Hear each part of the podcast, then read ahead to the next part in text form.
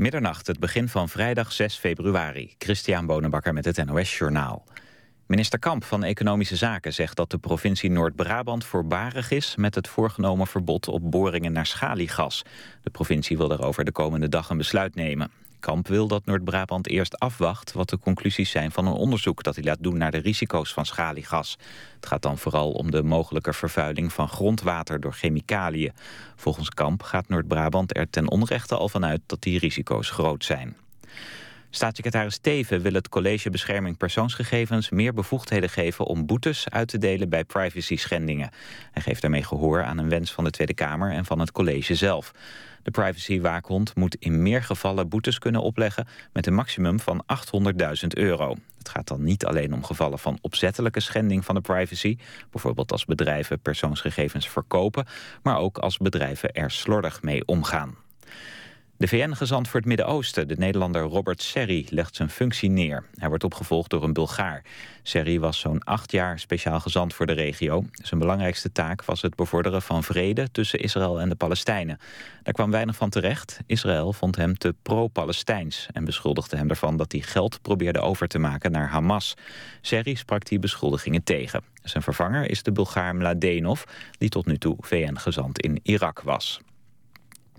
Actrice en zangeres Simone Kleinsma heeft een bijzondere wisseltrofee gekregen. Joop van den Ende overhandigde haar in het tv-programma Opium... een zilveren sigarettenkoker die ooit van kleinkunstlegende Louis Davids was.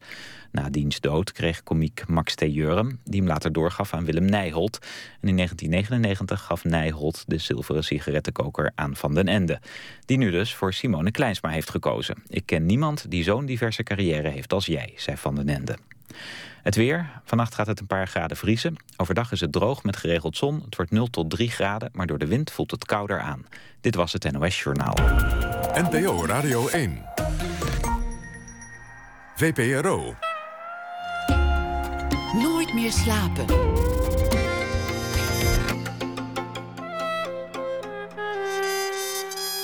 Met Pieter van der Wielen.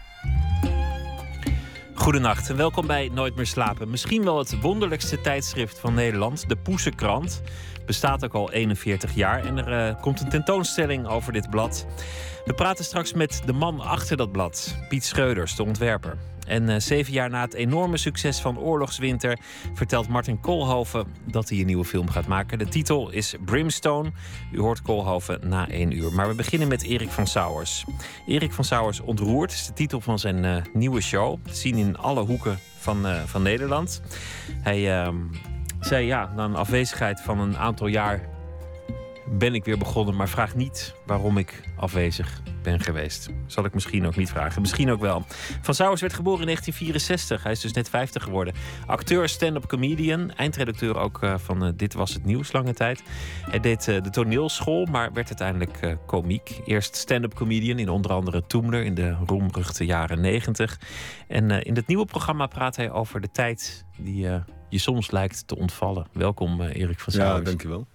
Ja, het heeft iets langer geduurd dan, dan, dan anders, geloof ik, dit programma. Tussen de twee programma's? Ja. Ja, een paar jaar. Ja, wat jij nu net zei van vraag me er niet naar. Dat staat gewoon op zo'n flyertje of zo. Nou ja, dat staat er toch op eh, zo'n flyertje. Ja, ja. en het, het is helemaal niet iets, iets, iets, iets zo. Nee, Maar, maar dat kan je ook anders interpreteren. Uh, vraag me niet waarom is gewoon, kan ook zijn van ja, weet ik het. Vraag Stond het echt zo? Vraag me niet waarom? Heb dat, ja, dat is ook ja, zo ik heb er tegen gevochten. Ik heb ermee geleefd. Ik heb ervoor gestreden.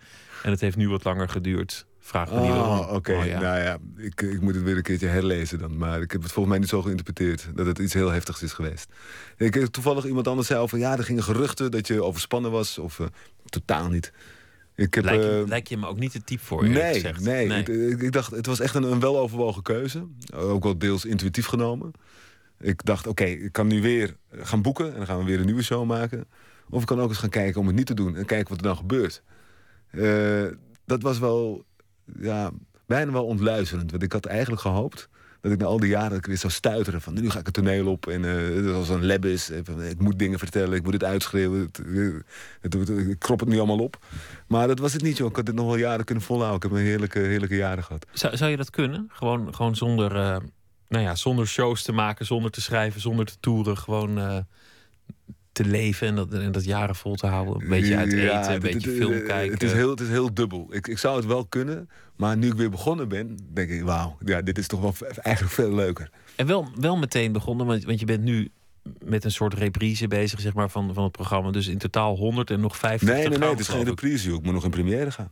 Oh, je moet nog in première Ja, gaan. Maar, ja, maar je hebt nu nog 50 shows voor de boeg, geloof ik. Ja. En dan... Ja. En, En dan volgend oh, jaar komt de reprise. Oh, volgend jaar. Dus Ja. in totaal wordt het er 100, geloof ik, of, of iets. Uh, volgend jaar bedoel je? Of nu? Van, nee, het aantal keren dat je dit gaat opvoeren. Ja, zoiets al. In, in totaal iets van 200 keer zijn of zo. En ik ben Dat is, begonnen eh, eh, ja, dit seizoen. eh, Ik dacht, oké, ik ga nu weer spelen. En Dus helaas moet je dan... Ik, ik, ik, heb, ik heb niet de grote naam dat ik eh, kan bellen... en morgen kom ik en dan regelen theaters het allemaal. Dus ik moet het wel een beetje van tevoren laten regelen. Dus dan moet ik bellen naar mijn impresariaat. Ik ga weer spelen. En vanaf dat moment begon het wel te kriebelen. Maar ik had ze wel gevraagd...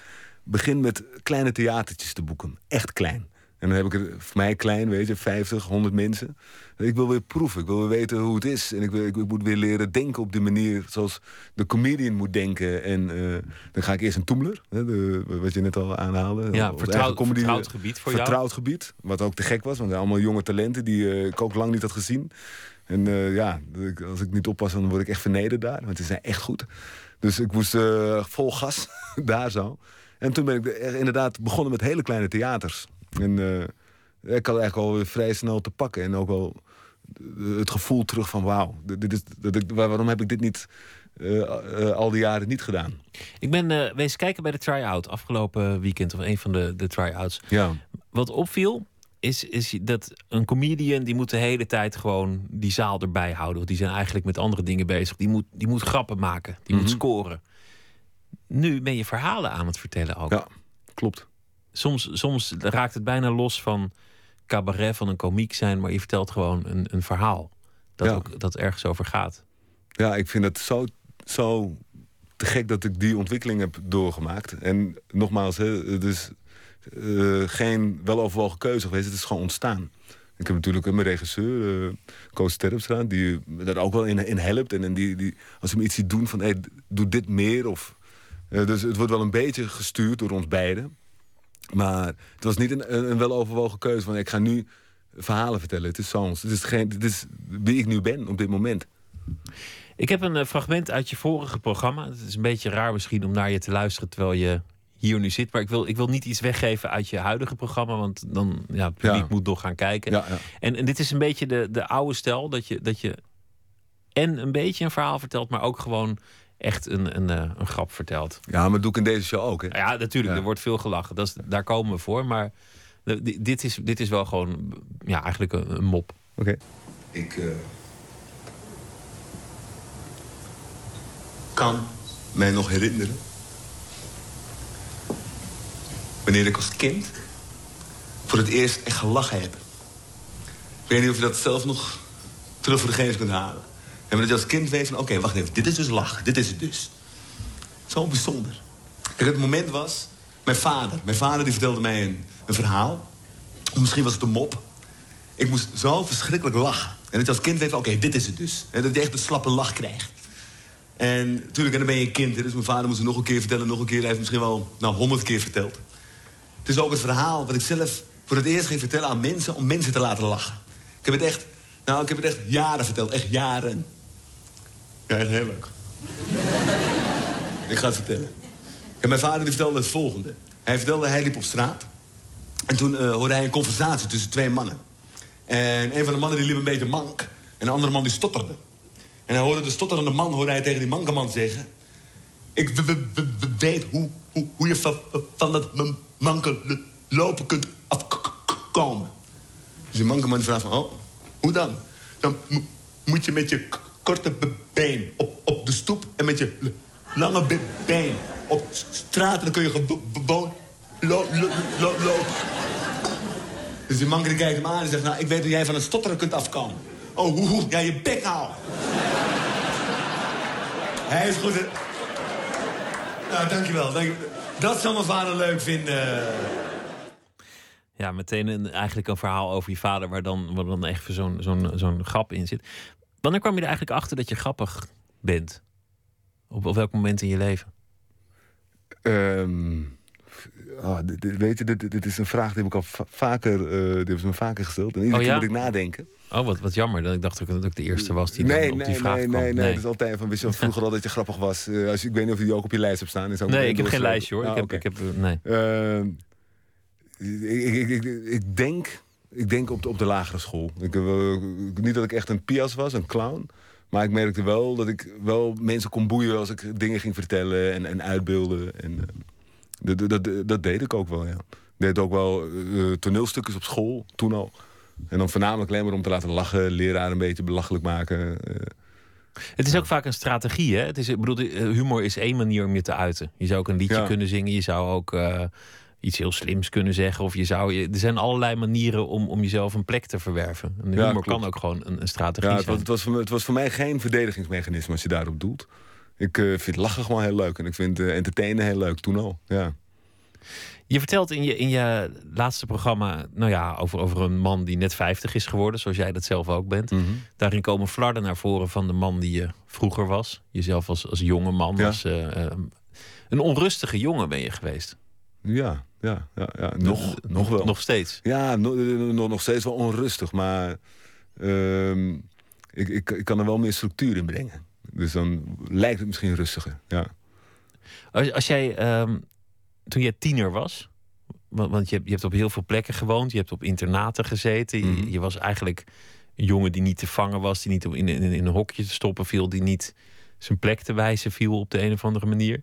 Toen was je volgens mij nog veel onrustiger. Ja, ik ben, ja, je had vroeger niet, niet de stickertjes van ADHD en zo. Hè. Dat, eh, Nee. is allemaal pas eh, in de moderne tijd gekomen.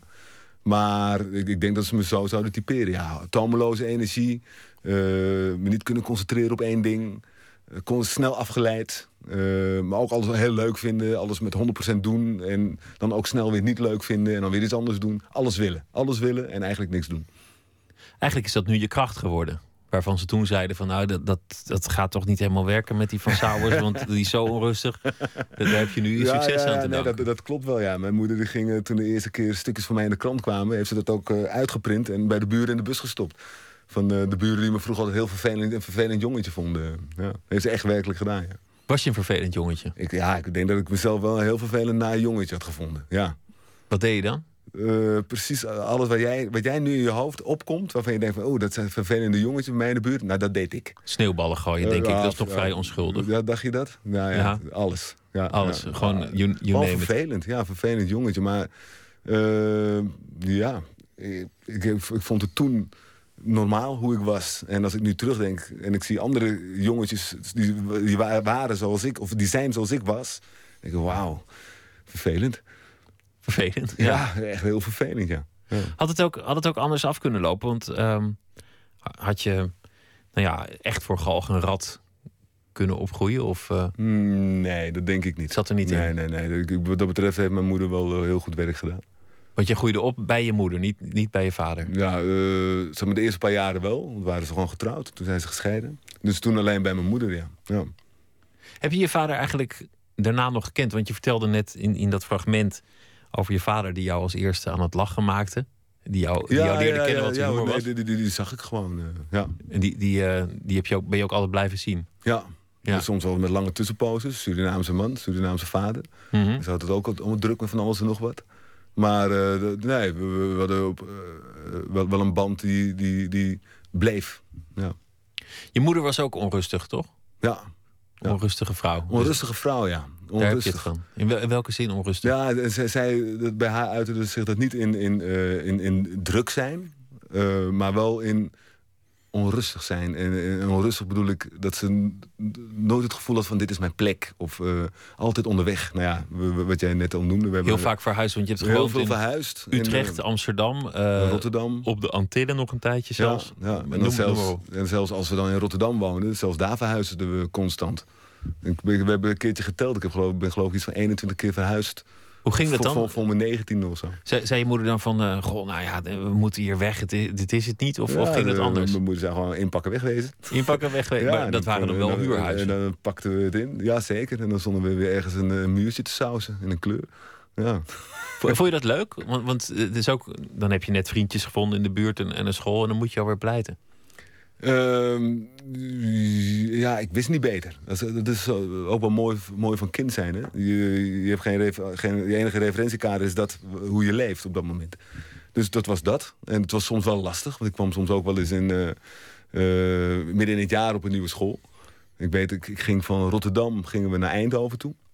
Eh, mijn moeder had, dacht dat ze de liefde van de leven had gevonden. En toen was het kerstvakantie. Dus had ik allemaal jongens in de buurt daar. eh, maar ik praatte, vroeger schijnt echt plat Rotterdams. Ik moest dat ook vaak doen. Voor mensen vonden ze het leuk. Ik moest zeggen van een blote bossie en een kaki. Dus ik had tegen de jongens in de buurt... Ik was al natuurlijk ook al toen een verhaal vertellen met een hoop fantasie. Dus ik had verteld, nee, maar we komen uit Amerika. En mijn vader komt daar, is een kapitein op een schip. Maar ik kwam op een Jena-planschool daar in Eindhoven. En eh, bij het begin van zo'n nieuwjaar moesten de- alle klassen met de stoelen naar zo'n aula komen. En dan gingen alle kinderen die jarig waren geweest of die week jarig werden, die werden dan op het podium gehaald. En ik eh, als nieuw kind, ik werd voorgesteld aan de school. Dus die, eh, eh, het hoofd van de school die stelde mij voor en die vraagt ook aan mij, waar kom je vandaan? En ik kom uit Rotterdam, maar ik dacht van ja, hey, al die jongetjes tegen wie ik heb gezegd dat ik uit Amerika kom, zei ik met plat Rotterdams accent van uit Amerika. en toen, op het moment dat ik dat zei, realiseerde ik me van, ah, ja, hier moet ik, hier moet- dit moet ik toch anders gaan aanpakken. dat is niet goed. Een consistenter verhaal eh, gaan vertellen. Je, je bent ehm, op een zeker ogenblik toneel gaan, gaan studeren. Ja, Waar, dat waar kwam heel die- mooi. Ja, Ja. Studeren ook. Ja, dat is een Ja, opleiding. Ja, het is een en opleiding, klopt. waar, waar kwam die gedachte vandaan? Wat, wat had je voor ogen? Eh, een van mijn- zus, Marielle, die, die- zij was eigenlijk de eerste die dat echt graag wilde en zo. En zij zei al tegen mij, dat moet je ook gaan doen. Dat Zij is ook leuk. actrice en schrijfster Ja, geworden. ja, zij is actrice en schrijfster geworden en niet meer schrijfster. En we woonden vlak bij de, bij de Keizersgracht, waar, waar, de, waar toen de toneelschool was. En dat lag dicht, uh, ijslagen. En we gingen schaatsen, maar ik kan niet schaatsen. Dus ik was een beetje raar aan het schaatsen. Op een gegeven moment zag ik allemaal mensen voor het raam staan... die waren mij een beetje aan het uitlachen. Maar ik ben niet vies van een beetje publiek, dus ik maakte er wel wat van. Toen zei mijn zus van, ja, dat is de toneelschool. Dus ik, laten we kijken. Nou, dat wilde zij niet echt, maar toch mee naar binnen gesleept. Nou, dan heb ik een formuliertje gehaald bij de portier... of bij de administratie, van hoe kom ik op deze school? Hoe gaat het dan? Hoe werkt dat? En toen is het eigenlijk uh, begonnen, ja. Toen dacht ik van, ook, en ik merkte ook dat ze mij een beetje aan het uitlachen waren. Er, waren, al studenten daar van die toneelschool van mij. Een beetje een rare jongen komt in één keer binnen. Met het papiertje en een beetje rondkijken. Maar dat is, dat is wel grappig, want je, uh, je, je, was een wilde jongen. Je had op heel veel plekken gewoond. Dat zijn jouw woorden, hè? Dat zijn maar, mijn uh, woorden, ja. ja. ja. Mm -hmm. En uh, nou ja, je... je een druk, druk kind. Een, ja. druk, een druk kind. Ja. Maar je, je, hebt ook op, op een zeker ogenblik... Uh, je bent heel veel wezen stappen. Al, al vrij jong. Je was, je was iemand van, van het uitgaan. Ja. Je hebt ook een tijdje, geloof ik, uh, in een club gewerkt. Een beetje aan de rand van, van, van het Wallengebied. Ja, klopt. Ja. ja, ja. Dus, dus je kwam eigenlijk uit een heel andere hoek dan, dan die toneelschool. Waar je dan ineens binnenkwam waar, waar mensen waarschijnlijk met, met Shakespeare bezig waren. Ja, met, het was uh... mij, ik vond het wel te gek. Het was echt een wereld die ik niet kende. Ik keek ook mijn ogen uit. Ik had ook, kreeg ook nou, een minderwaardige complex dat ik niet zo snel krijgen. Maar ik, ik, ik wist wel van, oeh, ik, ik moet echt nu heel veel bijspijkeren. Uh, zowel voornamelijk op intellectueel gebied. Dat miste ik gewoon. Dat merkte ik aan, alle, aan, aan alles. Aan de, aan de gesprekken die ze voerden. Ik wist gewoon van niks. En uh, de eerste jaren dat ik op de toneelschool zat, werkte ik nog aan de deur s'nachts. Ik was gewoon portier. Dus ik, soms lag ik s'nachts te matten op straat om mensen uit elkaar te houden. En dan soms zat ik weer bij filosofieles. En dat ik ook op een gegeven moment dacht van, ja, dit is niet goed, joh. De, mijn leven gaat zo niet uh, worden wat ik ervan uh, Het is de een of het ander. Ja, ja. ja, toen heb ik echt wel een rigoureuze keuze gemaakt. Ben ik daar wel mee gestopt. Het interessante is dat, dat in de jaren negentig kwam er iets naar Nederland... Wat, wat eigenlijk heel Amerikaans was. Wat we hier niet traditioneel kenden. Namelijk de, de comedians. Stand de stand-up comedy. Ja. De, de, de, traditionele cabaret-recensenten... Die, die, die konden er eigenlijk niet zoveel mee in het begin. Nee, die, die, nee, die, klopt. Ja, die waren cabaret gewend. Dat had iets... Nou ja, Wim Kan, daar hoorde een liedje bij. En, en het, het Ja. moest, moest, uh, moest aan bepaalde wetten voldoen. En eigenlijk is daar voor jou enorm veel op je plek gevallen. Ja, dat klopt echt. Ja, ik zat nog op de toneelschool. En toen hadden ze... Uh, de toneelschool en de kleinkunst was vroeger een gescheiden, opleiding. Nu is dat allemaal samengevoegd. En er hing een papiertje van de kleinkunst. Er kwam een uh, Sam Cox, heette die, een stand-up comedian uit Amerika. Die kwam stand-up comedy les geven. En er waren maar drie mensen, waarvan twee van de toneelschool... en één iemand van de kleinkunst. Niemand had interesse. En die Sam Cox was. Dus hadden mensen van buiten school hadden ze gevraagd... om toch een beetje die lessen te vullen... en ook een beetje sneu voor die Sam Cox. Dus zo heb ik Raoul Heertje ontmoet. Toen had hij nog niet de reizen oprichter van de Comedy Train. Hij runde dat heel lang. Hij Ja. haalde ook het, het talent binnen. Daar had, Ja. had, hij, had hij ook echt oog voor. Ja, klopt. Dat was mijn eerste contact. En toen bestond eigenlijk de Comedy Train nog niet. Dat was nog voor de oprichting. En we hebben toen contact gehouden. Toen ben ik ook echt gaan kijken. En, eh, maar ik, ik, zei wel, ik wilde heel graag, maar ik dacht...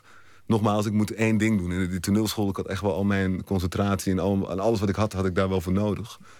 En op de dag dat ik ben afgestudeerd... Ik, nou, misschien overdrijf ik niet mee... maar voor mijn gevoel diezelfde week nog ging ik met de Comedy Train mee. Je hebt het ook nog wel gedaan, echt toneel. Je hebt ook wel in klassiekers eh, eh, meegespeeld. Ja, niet veel. In de, ik ben bijna twintig jaar geleden afgestudeerd. Of langer al, geloof ik. En eh, ik, heb, ik heb drie keer in een toneelstuk gespeeld. Heeft het je toch veel geleerd? Ja, ja, ja zeker. Ja, ik zat in Amsterdam op de toneelschool. En daar stimuleerden ze enorm het individuele talent. Dus ik had al in het tweede jaar mocht ik al mijn eigen solo's maken. Ik ben ook niet met de klas afgestudeerd, maar ook met een, met een solo afgestudeerd. Dat stimuleerden ze. Dus ja, dat, dat was heel bijzonder. Ik mocht mensen vragen die me, die me konden helpen. En ja, je leert ook techniek, maar je leert ook over dingen nadenken. En, eh, nee, ik ben, ik ben heel blij, blij dat ik dat gedaan heb. Ja. Die jaren bij, bij Comedy Train en, en Toomler... De, de cabaretrecensenten die, die konden er niet zoveel mee. Maar achteraf kunnen we eigenlijk stellen dat dat een enorme kweekvijver is geweest van, van talent. Ja, zeg maar alle, Wallis- alle grote namen die jij nu gaat nu. noemen. Ja, Die, ja, die- Sander Wallis de Vries was hier laatst eh, te gast. Die, Ja. die komt daar vandaan. Ja. Eh, Jan-Jaap van der Wal, die, die komt daar vandaan. Ja, noem maar op. Eigenlijk bijna iedereen die Jeep, Theo Maas, eh, Hans Theeuwen. Klopt. allemaal uit die hoek gekomen. Ja. Dat, is, dat is wonderlijk dat je, dat je in zo'n kweekvijver terecht bent gekomen. Dat en, en ook in het begin. Ja. Niet in het alle begin, maar toch wel, in de, eh, toch wel mag wel zeggen, echt wel heel pril. Prille- Waarom, waarom is dat juist zo'n kweekvijver eh, ge- gebleken? Waarom is dat zo belangrijk geweest? Ehm, ik denk, denk me- meerdere redenen. Je haalde eh, mensen bij elkaar die toch op de een of andere manier hun weg niet vonden in, in, in wat er bestond in de reguliere, cabaret, in de reguliere cabaretwereld. Eh, dus mensen die misschien niet muzikaal waren of, of, of niet, dat niet wilden. Ja, want, want je, je moest zingen. Dat was een soort, Ja, soort je wet. moest zingen en eh, muziek. En eh, in één keer mocht je gewoon een verhaal vertellen. Ja, ik vond het wel bijzonder. Hoor. De allereerste keer dat ik Richard Pryor zag... dacht ik, oké, dit, dit, dit kan dus ook. Je kan er gewoon ook vertellen over je eigen leven. Eh, Dat, is eigenlijk de, de, een de oervader van het genre hè, in Amerika. Richard Pryor is wel Ja, mij er zijn, man- er zijn er wel wat meer. Maar voor mij in ieder geval wel, ja. Dat is wel een, een bijzondere komiek. Ja, legende. ja, ja. De sfeer daar was vrij hard. Want het publiek kwam gewoon om een biertje te drinken of, of, of eh, om, om zich te vermaken. En er kwamen... Eh, bij wie? Bij ons? Nee, bij de, bij de Comedy Train. Ja, ja, ja. En, ja. en de een na de ander. Zo'n optreden duurde, nou, wat zal het zijn, tien minuten Heb je misschien. het wel eens gezien eh, Ja, in ja. het begin toen? Ja, in die beginjaren. En, en eigenlijk, als het niet lukte, dan lukt het ook niet. En kwam het ook niet meer goed. klopt. Want ben, jij in Amsterdam in, de- in onze club geweest? In? In, in die club, ja, toen. Oh ja, oké. Maar toen bestonden we al best wel een tijd. We hebben ook nog echt een tijdje gewoon rondgetoerd. Gingen we met de trein, niemand had een rijbewijs. Of had geen auto in ieder geval. Dat, dat heb ik ook nog wel eens meegemaakt, ja. Ja, dan gingen we, weet ik van naar Zaandam, naar een cafeetje. En dan, ja, dan zaten de John Jones en Raoul en Hans Theeuwen. En we kwamen dan binnen en dan werd de stekker uit de gokkast getrokken. En dan eh, stond je op, op, op een soort van podiumpje-achtig iets. Maar je moet heel snel, Ja. je moet heel snel de zaal grijpen. Je moet, moet heel snel het publiek erbij krijgen. Want anders gaan ze ook weer gewoon ouwe hoeren. Ja, ja, het is een goede leerschool. Ja, ik ga niet zeggen van vroeger was alles beter. hè. Je moet het op biljart leren. Maar echt, eh, door, door dit soort moeilijke optredens, wauw. Ja, daar leer je wel heel veel van, ja. We gaan luisteren naar D'Angelo. Die heeft een eh, nieuwe plaat uit, eind vorig jaar verschenen. Eh, ik neem het woord wauw neem ik gewoon terug. Ik weet niet, misschien ook bij de ik gebruik het nooit, het woord wauw. Dus ik Nee? neem het even terug. Oké, Misschien ook geen de mooi woord? zit. Ik weet niet, ik zeg het nooit. Ik zeg, ik kom in één keer mezelf wauw zeggen. Dus bij deze teruggenomen. Dat is toch best een mooi woord, wauw. Ja? Tegenwoordig Oh, zeggen mensen allemaal wow, gek genoeg. Is dat zo? Ja, wow, Senegalees voor ja. Oh, In is het, dat in, het, in het Wolof. Ja, ik weet niet meer waar dat vandaan komt. Maar sorry. D'Angelo gaat eh, toeren. 2 en 3 maart in Amsterdam in eh, Paradiso. Is alweer uitverkocht, maar heel veel mensen verheugen zich daarop. Nummer heet Really Love.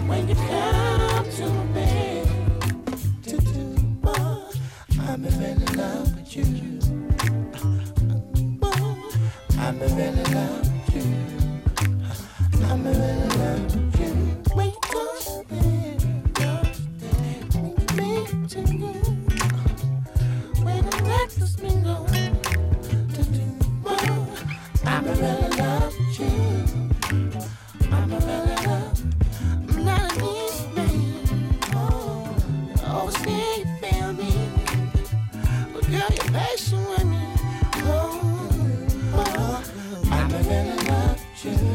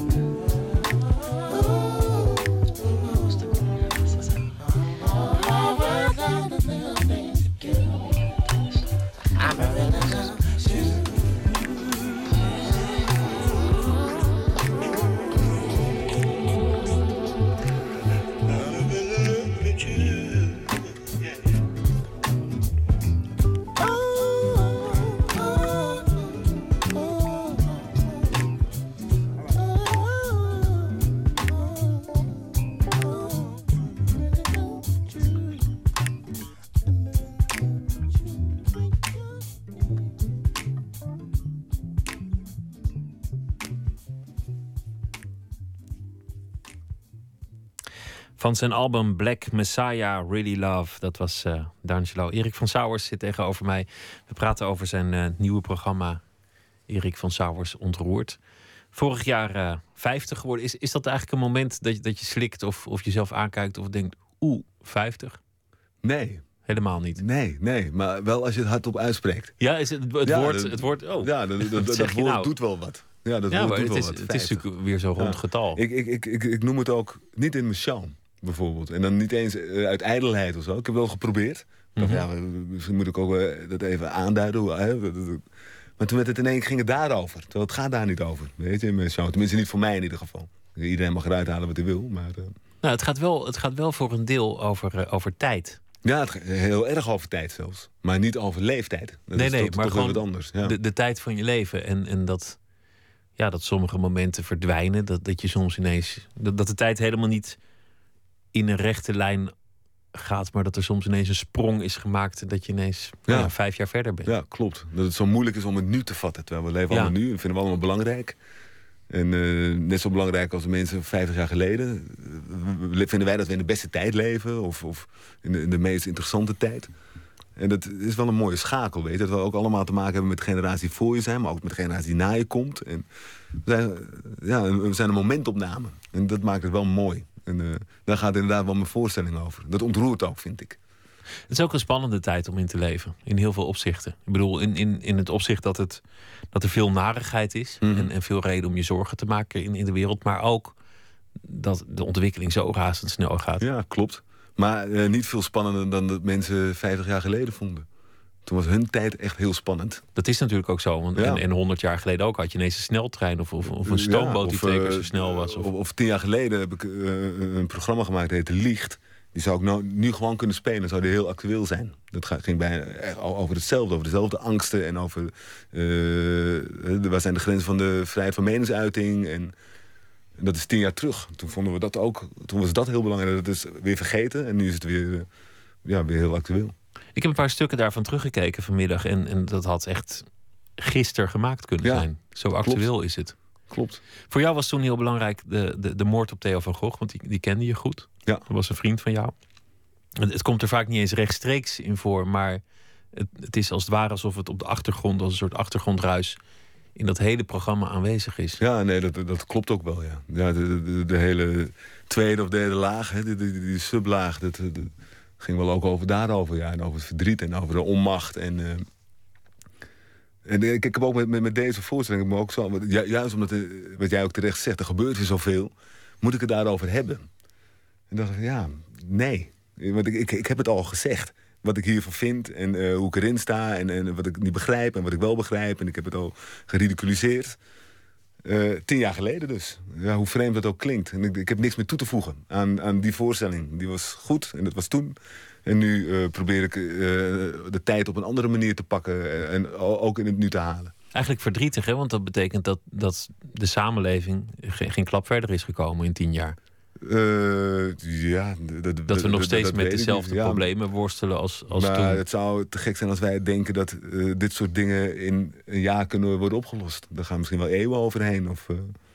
Maar het, het, geeft ook wel weer aan hoe, hoe, hoe, snel dingen verdwijnen en hoe vluchtig alles is. Ik bedoel, twee maanden geleden gingen we allemaal dood aan de ebola. Dat was echt het grootste gevaar. Dat gingen we allemaal aan ten onder. En die is in één keer weg. Er is geen ebola meer. In de krant althans niet. Je, nee. je, leest er helemaal niks meer over. Helemaal niks meer. Dat is toch ook vreemd? Ja. Zo gaat het met heel veel van die dingen. De, de vrijheid van meningsuiting, kortom. En, en uh, uh, de religies en, en uh, integratie, dat soort problemen, die, die ben je voorbij gegaan. Je dacht van, nou, daar wil ik het niet over hebben. Nee, klopt. En eigenlijk over iets anders wat, wat net zo prominent in onze tijd speelt. Namelijk de enorme technologische ontwikkelingen. Ja, ja. Dat, dat ineens iedereen de hele dag uh, met zo'n mobieltje in, in zijn zak zit. Ja. Terwijl, terwijl dat 15 jaar geleden nauwelijks aan de hand was. ja, dat is ontzettend ja, ja, maar toen, hadden we ook... Nou, ik wil niet nu uh, stukken uit mijn oude show. Maar ik kan me herinneren namelijk dat ik uh, in een van mijn shows... tien of twaalf jaar geleden... had ik het over de Walkman bijvoorbeeld. Dat was toen. Maar dat was toen ook echt iets. Of, of de Discman en... En dat het uitgevonden is door een Japanner. Omdat hij uh, met een koptelefoon, omdat hij mensen niet wilde storen met zijn muziek. En dat wij het gingen gebruiken, uh, we zetten het op als een teken van ik wil niet gestoord worden.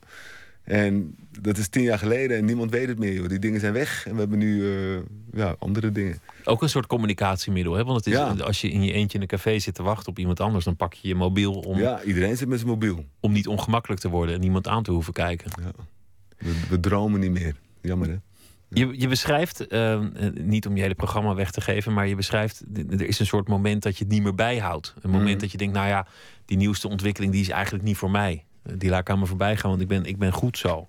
Ja, En dat is eigenlijk ook een angstig moment, want dat is het moment dat je, dat je de tijd aan je voorbij laat gaan. Dat je niet meer meedoet. ja. Dat je voor kiest om oud te zijn eigenlijk. Nou ja, ik, ik, ik, ging een keertje, eh, had ik haast. In een restaurant had ik geen geld, dus ik moest pinnen. Maar eh, het was eh, bij, bij een bank en de deur was dicht. Maar er stond een oudere mevrouw, maar die raakte in paniek van mij. Wat ik naar de hand ook wel begrijp. eh, want ik stond wat te wachten, dus misschien was ze een beetje bang. Maar die, die, die kon gewoon niet pinnen. En ik wilde haar eigenlijk helpen heel graag. Maar het enige wat ik toen kon doen was weglopen. Omdat ze, ze werd een beetje bang. Het was ook s'avonds. Maar, maar toen was ik een beetje boos op haar. Van, ja, maar pinnen, dat kan je toch wel oefenen te keer. Of, maar nu begrijp ik het. nu, nu, nu kom ik eh, ook dat soort dingen tegen. Dat, dat je denkt, Eh, hoe werkt dit ja, eigenlijk? dat ik het gewoon even niet snap. En dan eh, geef ik, moet ik het aan een van mijn kinderen geven. En die doen het moeiteloos. En dan denk ik, oké, nu ben ik ook zo. Dus ik ben nu die oudere mevrouw... eh, die, die, die, die pinnen zo moeilijk vond. Ze wist niet hoe het kaartje en kijken op het schermpje, nou, et cetera. Wat voor mij toen zo duidelijk en zo makkelijk was... omdat ik er stap voor stap in ben gegaan. En ik heb nu gewoon een paar bochten gemist. Dus met sommige dingen weet ik het niet meer. Jij wel? Nou, ik heb dat ook wel eens. Ik heb bijvoorbeeld met, met snelheidsborden op, op de snelweg. Dan staat er eh, eh, 130 en dan staat er onder een, een bordje met 9 tot 16. En dan staat erbij met glad weer 70. Ja. En dan staat er weer verderop bij invoegend verkeer 110. Ik- en dan denk heel ik, toevallig heb ik dat eh twee het weken geleden aan, een, eh, aan iemand die er bevoegd is, heb ik het gevraagd hoe het zat. Dat Ja. snapte ik ook niet. Eh, het is Ja. eh, ik denk eh, doe maar 120 en 150, er staat dan ben ik gewoon fout. Maar Nee, nee, nee. Het blijkt van, eh, je mag dan tot 7 uur, eh, van 6 uur 's ochtends tot eh 7 uur 's avonds, geloof ik, mag je dan eh 130 rijden. Of andersom. Of Ja, nou, andersom. nou weet ik Nee, niet zie je. meer. Ja, Ja, ja, daar, ga je al. Ja, ja, in ieder geval, het is zeer onduidelijk, ja. Ik, ik denk ook echt dat het eh, een beetje... Want soms weet ik ook helemaal niet meer. Eh, Dan is het weer 80 en dan mag je in één keer weer eh, 120, dan weer 130. Eh, je moet, ze moeten toch ergens het geld vandaan halen. Ja, ja. Ik, denk daar daar draait het ook hè? op uit dat Ja. je dan maar gewoon weer de boete incasseert. Maar wat, wat interessant is, is dat je eigenlijk op een zeker ogenblik... Je, je ziet jezelf altijd als jonge man. Dat blijf je volgens mij Mhm. ook tot je negentigste doen. Maar dat, dat het zijn van die momenten dat je denkt... Oké, misschien ben ik toch niet zo jong als ik mezelf gisteren Ja, vond. ja. Je beschrijft ook een ander eh, iets van tijd. En dat vond ik een heel mooi verhaal. Eh, dat, dat sprak me aan. Het gaat over de, de trompetist Tom Harrell. Mhm. Dat is een, dat is een man die is. ehm, nou, misschien kan je, het, kan je het zelf beter vertellen. Maar het is een man met een schizofrene, paranoïde stoornis. Ja, klopt. klopt. Eh, gebruikt heel veel medicijnen om gewoon te kunnen functioneren in het normale leven. En allemaal wa- waandenkbeelden en angsten. Maar ja, een geweldige trompetist. En eh, ik prijs me gelukkig dat ik hem ooit een keertje live heb mogen spelen in New York. En dat, dat vertel ik dus een beetje in de show. En ik, eh, wat, ik niet vertel, eh, wat me toen zo is bijgebleven. Hij dacht dat, hij, dat niemand hem zag. Maar dat was een klein, ik zat precies in de hoek dat ik hem wel kon zien. En hij kwam dan op en ging weer af. En zat hij helemaal in zijn eigen wereld. Hij had een, eh, een driekwart eh nep leren jas aan. Nou, je weet, die trompetisten, op een gegeven moment komt de hoofdspeler... dat druipte allemaal voor uit de trompet zo op die jas. Eh, dat, dat zat helemaal op, ja... Het was wel heel vreemd, maar eh, zo mooi. En eh, het is zo'n geweldige trompetist natuurlijk ook. Ik heb hem ook één keer zien spelen en hij, hij speelt prachtig. Ja, Dat is één ding. Maar het is ook bijzonder dat een jongen is die, of een man inmiddels, maar die waarschijnlijk zonder die trompet zich in het leven helemaal niet zou hebben gered. ja. Dat, Ja. heeft een zware geestelijke handicap. Maar zijn vader, geloof ik, die heeft ooit gezegd: Nou, we proberen het maar met een trompet, dan ben ik even van hem af. En, en dat bleek te werken. We hebben een fragment van, eh, van zijn muziek.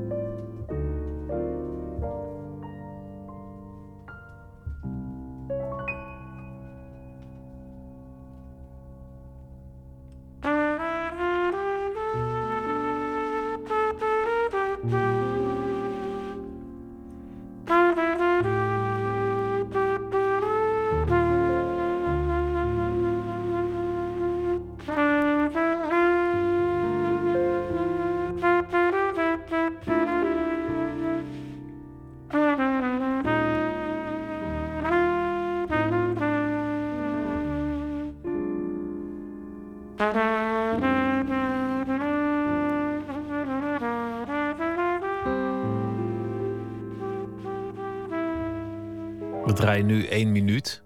ja. Wat, je- wat je vertelt is eigenlijk dat, dat er van die momenten zijn dat je, dat je naar zo'n concert luistert. En dat je denkt, nou ja, twee minuten en nu gaat hij alweer af. En dat je dan gewoon anderhalf uur verder bent. ja dat was eh, wel een van mijn snelste uren geweest eh, ooit, ja. Dat de tijd ineens voorbij gaat. mij gewoon. Ja. Dat is het mooie aan tijd. De ene keer dan ben je zomaar vijf jaar kwijt. En de andere keer dan ben je op een heel andere manier een uur kwijt. Ja, ik moet in één keer denken aan de graf van Theo Maassen. Van als je wil dat je vakantie, eh, die gaat al zo snel voorbij.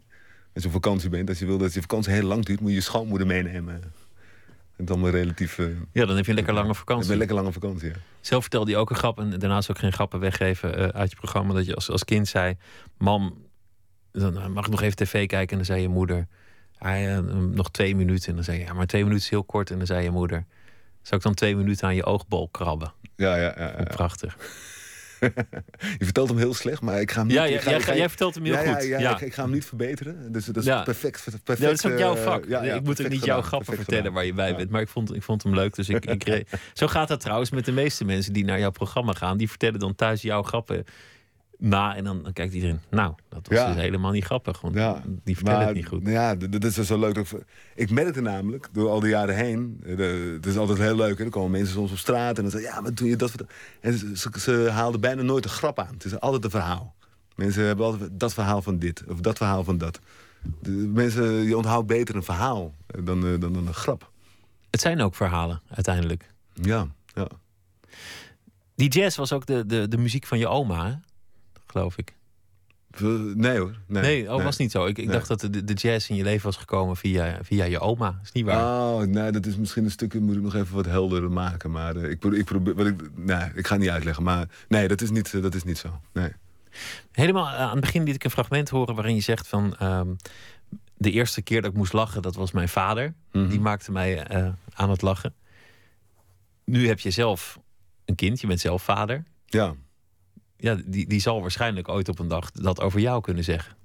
ja, dat denk ik, ja. Ja, Ja, je hebt hem waarschijnlijk al heel veel grappen verteld. Want ja ik heb meerdere kinderen, maar ehm, oh, je hebt, je- hoeveel, hoe oud zijn ze ik nu? heb drie kinderen. Ja? En eh, de jongste is eh, twee en de oudste is 19. Dus er zit een hoop tijd tussen. Oké, ja. En dan nog eentje eh, ertussen.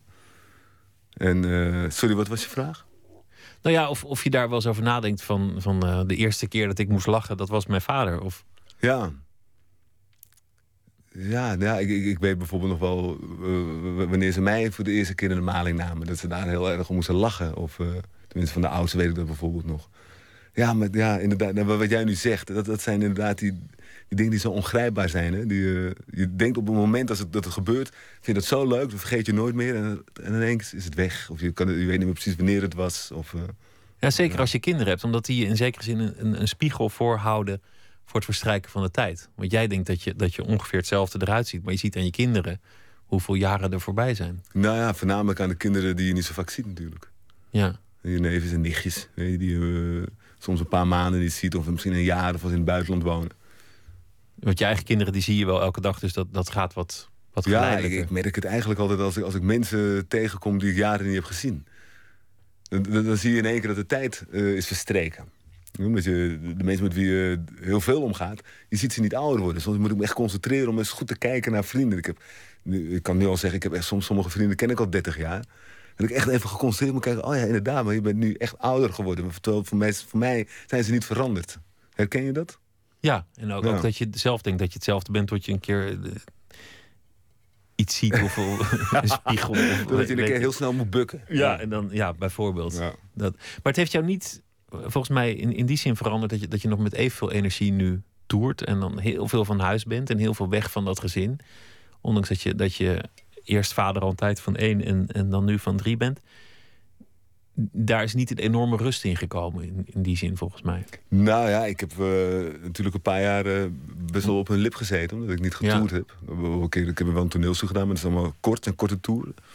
Dus ik denk dat iedereen thuis wel blij was dat ik even weg was. eh. ja, op een gegeven moment eh, dacht ik ook echt dat ze zelf dachten van, nou, dan heb je hem weer. Hè, we gaan hem maar even een klusje geven. Wanneer gaat papa nou weer eens toeren? ja, Ja. wegwezen. Ik denk dat iedereen opgelukt en dat het voor iedereen beter is. We gaan, eh, we gaan luisteren naar eh, Janne Schra, een eh, Nederlandse zangeres. Die is eh, maandag eh, te gast in dit programma. En eh, nou, ze heeft ook in bands gespeeld, de Room 11, Schra Di Nova.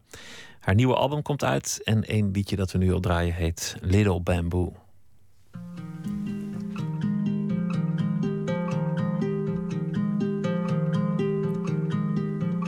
Shaky hands and brittle bones, dressing up before the show. The sequins of my dress are on the floor. I know that you won't break so soon. Strength is hiding in the root. I'm trying to find that too. If only you knew I am holding on to you. Cause I have never learned to bend like you do. If only you knew how much I look up to you. Always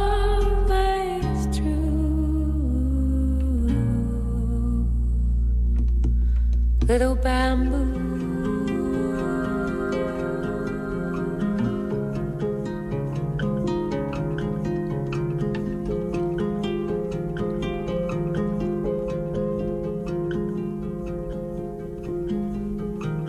Firm and solid, safe and sound, standing steadily on the ground. But if I fall, I won't bounce back. I know that I'll break someday. Strength is something I portray. I will never show my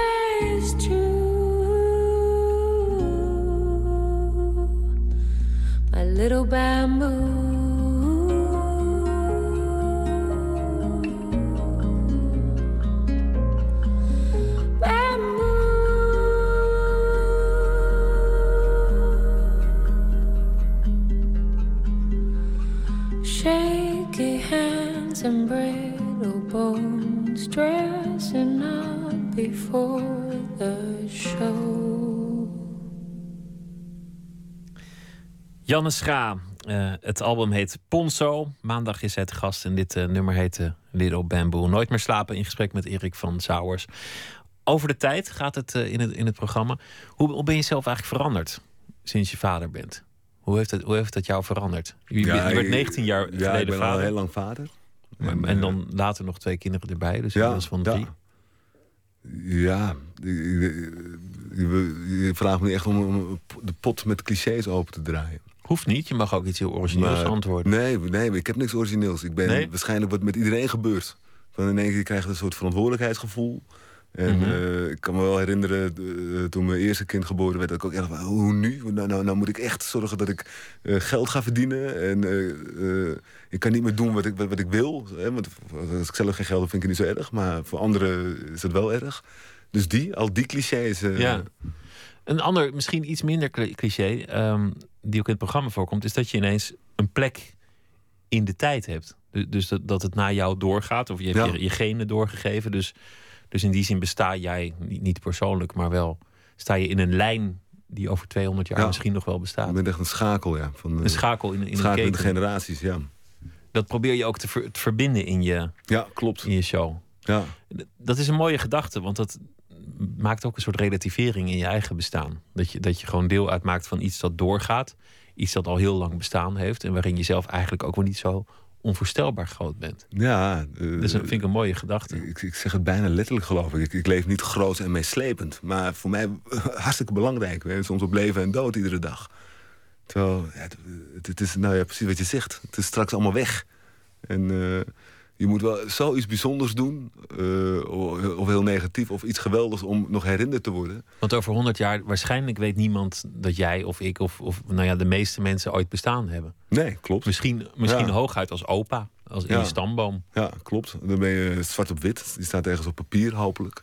Nou ja, of eh, waar, waar ik het over heb, hè, dat je in de cloud komt met je filmpje of zo. En, eh, ik, weet niet hoe, ik weet niet hoe dat zich gaat ontwikkelen. Misschien blijft alles wel, eh, alle beelden wel rondzweven in, in de eeuwigheid. Maar Dat je Facebookpagina nog steeds in de lucht is. Over Ja, 300 ja, ja. Ja, weet- je Ja. weet het niet. ik weet niet, moet je, ik, ik heb het zelf niet meer. Moet je geen abonnementsgeld betalen of zo? Nee, het is nog steeds gratis. Maar Oh, het is je- gratis? je wordt dan Ah, langs andere wegen.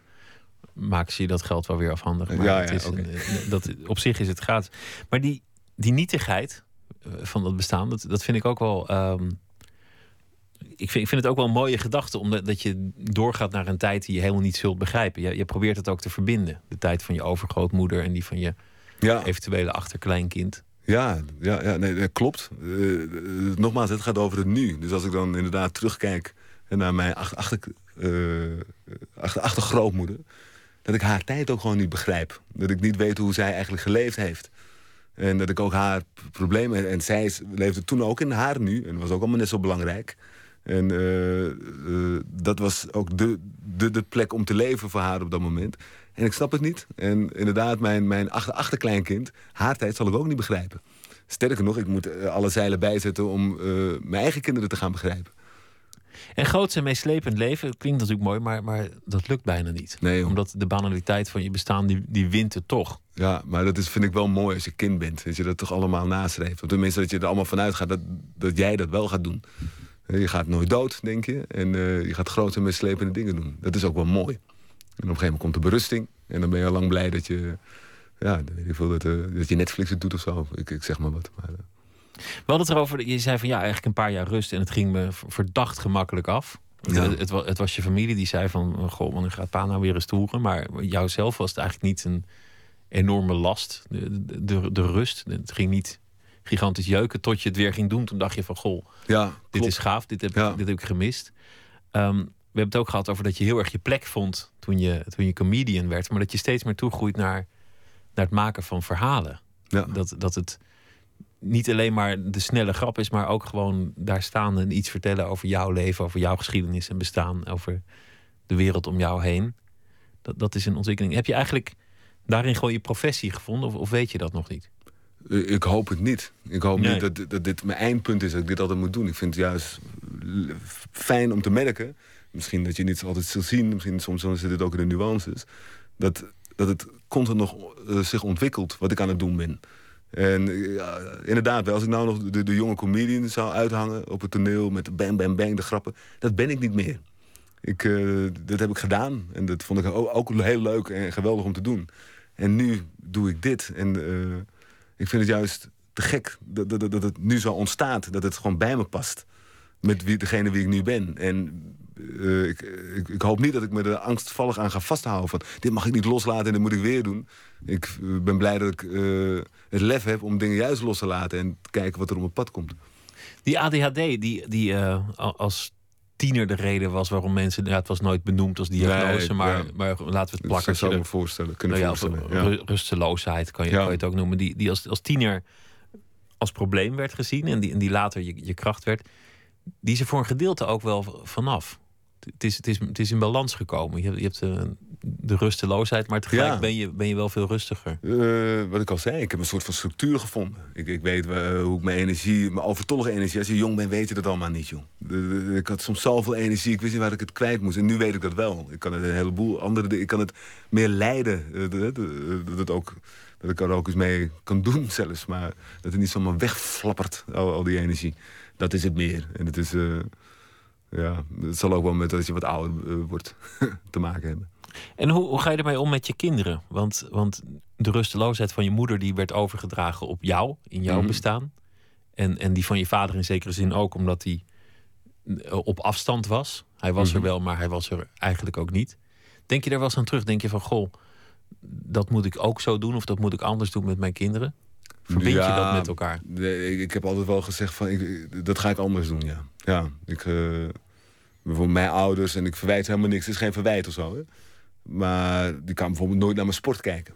Terwijl ik wel altijd wel wat bezig, want dan stond had ik weer een bekertje, en dan stond er weer een beker, en een week was doet die beker hier. En ik dacht van, hey, als ik straks kinderen heb en ze doen sport, dan ga ik kijken naar ze. En dat is leuk. En, eh, dat- dat- dat- dat- en nogmaals, het is absoluut geen verwijt. Hè? Ik bedoel, mijn ouders nee, maar deden het is hun waar. leven toen eh, op hun manier. En eh, dat zijn dan wel dingen waarvan je denkt, dat ga ik anders doen. En lukt dat ook? Ja, dat- dat- dat- dat- dat- het meeste lukt wel. Ja, het meeste lukt wel, ja. Je hebt het leven ook geleefd in, in de zin van de, de glamour die hoort bij een comedian. Het, het uitgaan, het, eh, nou ja, het feesten. Het, eh, Nou, dat heeft Ja, niks dat- met comedian te maken hoor. nee? Eh, glamour?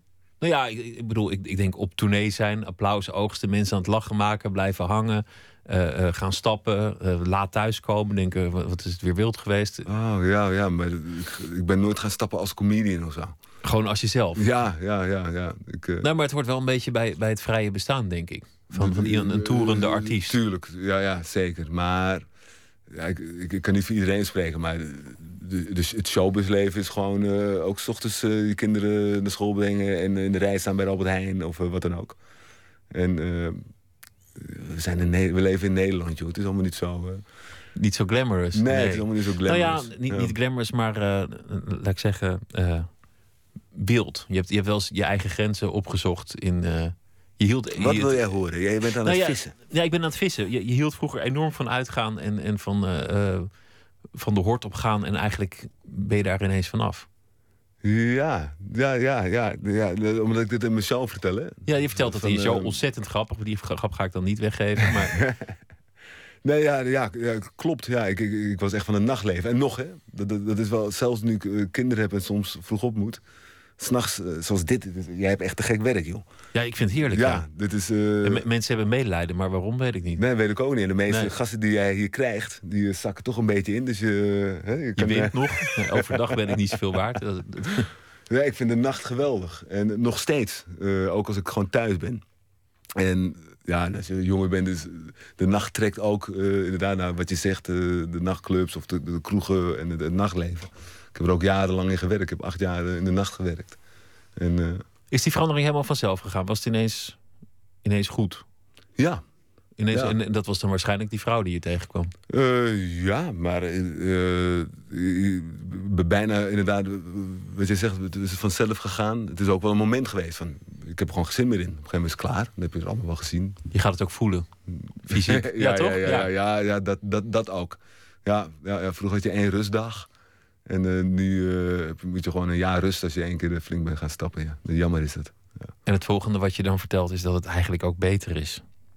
Heb ik dat gezegd in die show? Nee, maar dat is, dat is wat mensen dan vervolgens ook zeggen. Van, Ja, vroeger deed ik het allemaal, maar weet je, eigenlijk is het beter zo. Oh, oh ja, dat, dat, dat weet ik niet. Dat weet ik niet. Ik, vond, eh, ik, ik heb het met heel veel plezier gedaan. 49 eh, shows nog te gaan, daarna nog meer shows te gaan. Eigenlijk in, in iedere hoek van het eh, land te zien. Ja, Erik van Sauers ontroerd, dank dat je te gast wilde zijn. ja dankjewel. vond Het, het, vond eh, hartstikke leuk. Ik vond het heel leuk. We gaan luisteren naar eh, Martina Topley Bird. En eh, dat nummer heet Baby Blue. Oh, oh, oh, oh.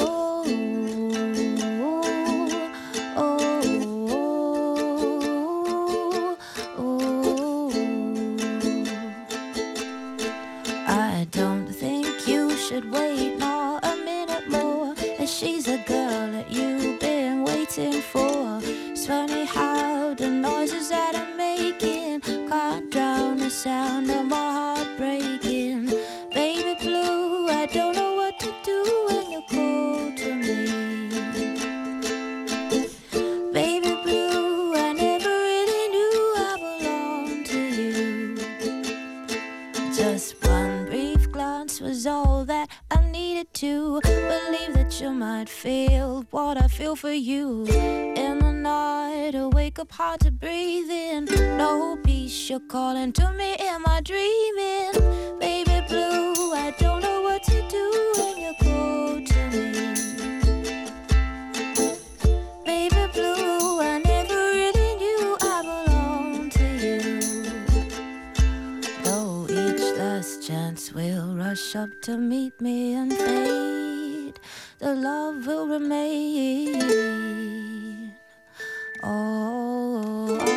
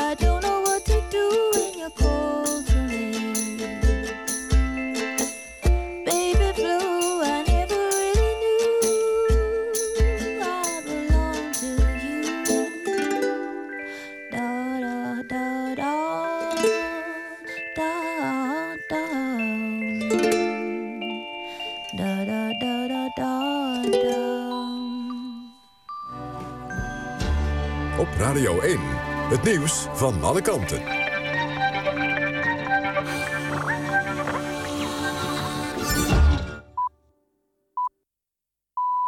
1 uur, Christian Bonenbakker met het NOS Journaal. Minister Kamp van Economische Zaken zegt dat de provincie Noord-Brabant voorbarig is met het voorgenomen verbod op boringen naar schaliegas. De provincie wil erover de komende dag een besluit nemen. Kamp wil dat Noord-Brabant eerst afwacht... wat de conclusies zijn van een onderzoek dat hij laat doen... naar de risico's van schaliegas. Het gaat dan vooral om de mogelijke vervuiling van grondwater door chemicaliën. Volgens Kamp gaat Noord-Brabant er ten onrechte al vanuit dat die risico's groot zijn. De goedkope zorgpolis met beperkte artsenkeuze lijkt van de baan. Minister Schippers komt met een alternatief voor haar zorgwet, melden bronnen in Den Haag. Die wet haalde het niet in de Eerste Kamer.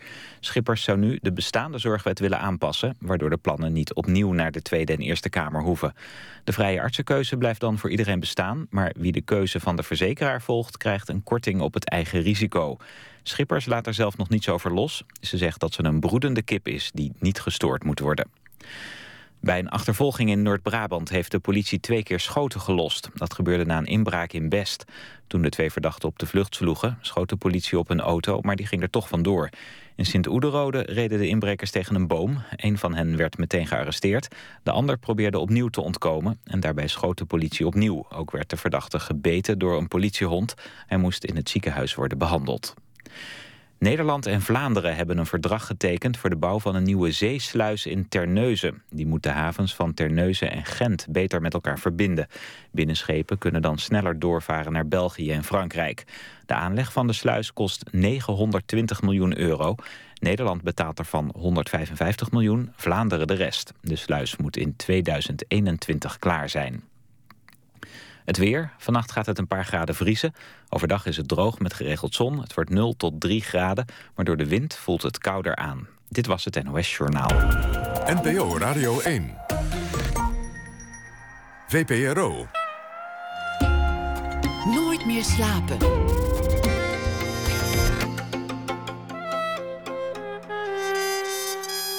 Met Pieter van der Wielen. U luistert naar Nooit meer slapen. Jan van Mersbergen is uh, schrijver. Deze week zal hij elke nacht een verhaal voordragen dat hij uh, schrijft over de afgelopen dag. Hij heeft uh, zeven romans geschreven. Zo begint het. De laatste ontsnapping en naar de overkant van de nacht waren de meest recente. Goedenacht, Jan van Mersbergen. Goedenacht, Pieter. Hallo. Vertel eens, weer een dag voorbij. Ja, hele rustige dag vandaag. Is heel erg koud en ik heb ik heb helemaal niks van het nieuws gezien, behalve dan dat Ajax uh, verloren heeft. Dus ik had een rustige, een rustige werkdag. Ajax heeft verloren. Nou ja, gebeurt ja. dat ook nog eens? Ja, dat kan ik morgen mijn zoon uh, vertellen. Want ik ben zelf natuurlijk geen Ajax-supporter. maar mijn zoon wel, want die is in Amsterdam, in Amsterdam geboren. En die breng je daarmee groot. Ja, verder het nieuws. Ach ja, alles zo'n beetje. Hè. De wereld ging verder. En ja zo was het. Waar ga je, waar ga je over vertellen in je, in je stuk? Ja, ik kreeg vandaag uh, bezoek. Er kwam een man van een aannemersbedrijf langs. Dus daar gaat mijn stukje over. Oké, okay, ga je gang. Het heet Tegels. Ik geef het altijd een titel. Tegels. Ik kreeg een aannemersbedrijf op bezoek. Voor de woonstichting doen zij verbouwingen. Ik wil de badkamer laten vernieuwen. De aannemer had een rolmaat. Hij mat de muren op. Het idee is het bad eruit, de wasbak naar de andere hoek, de douche in de hoek waar nu de wasbak zit en een plek voor de wasmachine, want die staat nu in de keuken. Ik was net een wasje aan het draaien. De aannemer hoorde de wasmachine brommen en hij begreep het. Verder, nieuwe vloertegels, nieuwe wandtegels, een nieuw gestuukt plafond. Want nu zit een verlaagd plafond in van isolatieplaten op een ijzeren frame dat al aan het roesten is en een afzuiging, want de douche is heel vochtig. Vandaar dat roesten van het ijzeren frame. De aannemer maakte een platte grondje en hij schreef er de maten bij. Het is allemaal goed te doen, zei hij. En toen liet hij me een dik en zwaar boek zien. Een boek met tegels. Hij klapte het open en ik zag een heleboel kleine vierkante stukjes tegel. Tja, dacht ik. Er zaten heel veel kleurtjes bij, felle kleuren, rood en blauw en keurig wit en heel veel grijs en zwart. De aannemer zei de bovenste drie rijen zijn voor de wanden en de onderste voor de vloeren, maar dat maakte niet zoveel uit. Ik kon toch niet kiezen. Nu zit er een soort beige of licht geel tegen de wanden van de badkamer en er ligt een oude grijze gietvloer. Ik haalde een klein tegeltje uit het boek. Het was wit. Het zat ingeklemd in een zacht soort kunststof. En onder het tegeltje stond een nummer van vier cijfers. Ik zei een donkere vloer en witte tegels aan de wanden. Dat lijkt me goed. En de aannemer zei, dat zie je heel vaak. Ik zei, gelukkig. Dan heb je de goede keus gemaakt hè, als iedereen het eh, zo doet. Dat is, dat, eh is de, dat is de bedoeling, ja. Dat is de bedoeling altijd, denk ik, ja, van zo'n soort verbouwing. Ja.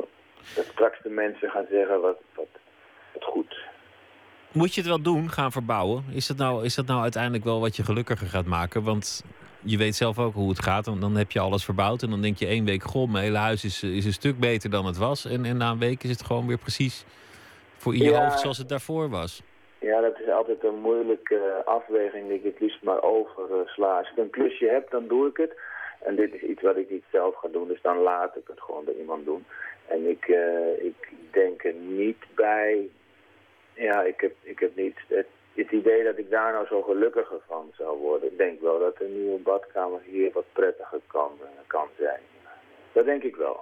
Oh ja, maar prettiger en geluk, dat zit vaak eh, toch heel erg in de buurt, toch? Van elkaar, dat is toch het dat, streven. Dat, dat zit, dat zit in de buurt, maar het, het doel van die verbouwing is niet om nou gelukkiger, gelukkiger te worden. Ja, ik zeg dit ook een beetje omdat ik eh, vanochtend ook wakker werd van een, en een cirkelzaag en een drillboor. En, en iemand anders die met zo'n klophamerachtig ding in de weer was. En het allemaal op zoek naar dat grote woongeluk. En ik weet gewoon dat die verbouwing, als die klaar is, na drie maanden weer overnieuw begint. Omdat dat het ongeluk weer heeft toegeslagen. Ja, dus sindsdien zeg ik eh, tegen iedereen: doe het niet. En als je het doet, na twaalf. Dat is wel een, dat is een goede, een goede tip inderdaad. En jij zit natuurlijk s'nachts, s'nachts ben je nog wakker. En dan moet je de volgende ochtend weer graag even slapen. Maar goed, jij woont eh, ver van mij vandaan, dus eh, succes met je verbouwing. Jan van Dankjewel. Meersbergen, dankjewel. Morgen weer een verhaal en voor nu wens ik je een, een hele goede nacht. Ja, tot morgen. De Amerikaanse Natalie Press zat eh, de laatste jaren in de begeleidingsband van Jenny Lewis, maar had zelf al drie jaar een album liggen. En dat eh, kon om allerlei redenen maar niet uitgebracht worden. Nu is het er. Het eerste album heet Why Don't You Believe Me? En het is een plaat die ze opnam met Matthew E. White. Het nummer heet My Baby Don't Understand Me. I don't feel much. Afraid I don't feel anything at all. In the name of love, I keep close, but, I am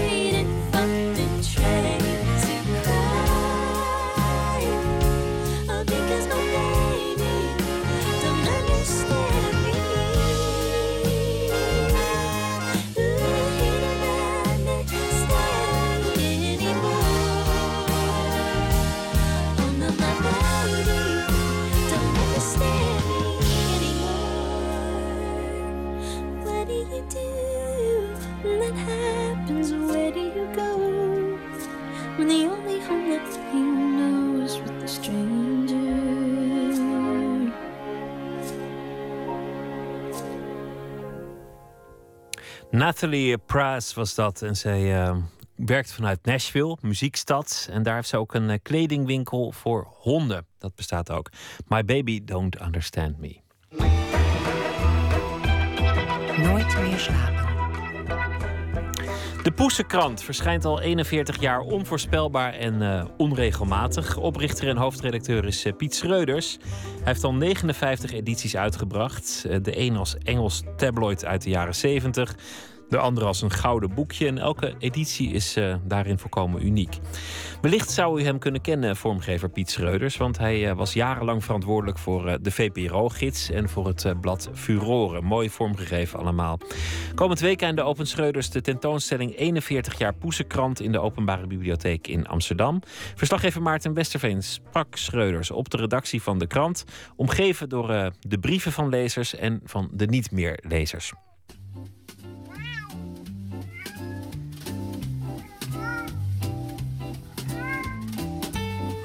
LS. Bij deze zeg ik mijn abonnement op de Poesenkrant, die niet leuk is, op.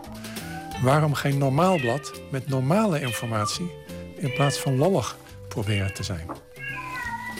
Of iemand schrijft, hiermee deel ik u mede dat ik u afzie van één abonnement op de Poesenkrant. Ik had gehoopt meer informatie te verwachten, maar iedereen lult gewoon maar een of ander zot verhaal in de Poesenkrant. Hester Genen den Bos. Nou, dat, eh, is, ik wil dat dus een beetje voorkomen. Want eerst abonneert iemand zich, moet ik dat in de administratie verwerken. Dan zegt iemand weer op, kan ik dat weer in de administratie verwijderen. Het is voor die mensen niet leuk, het is voor mij niet leuk.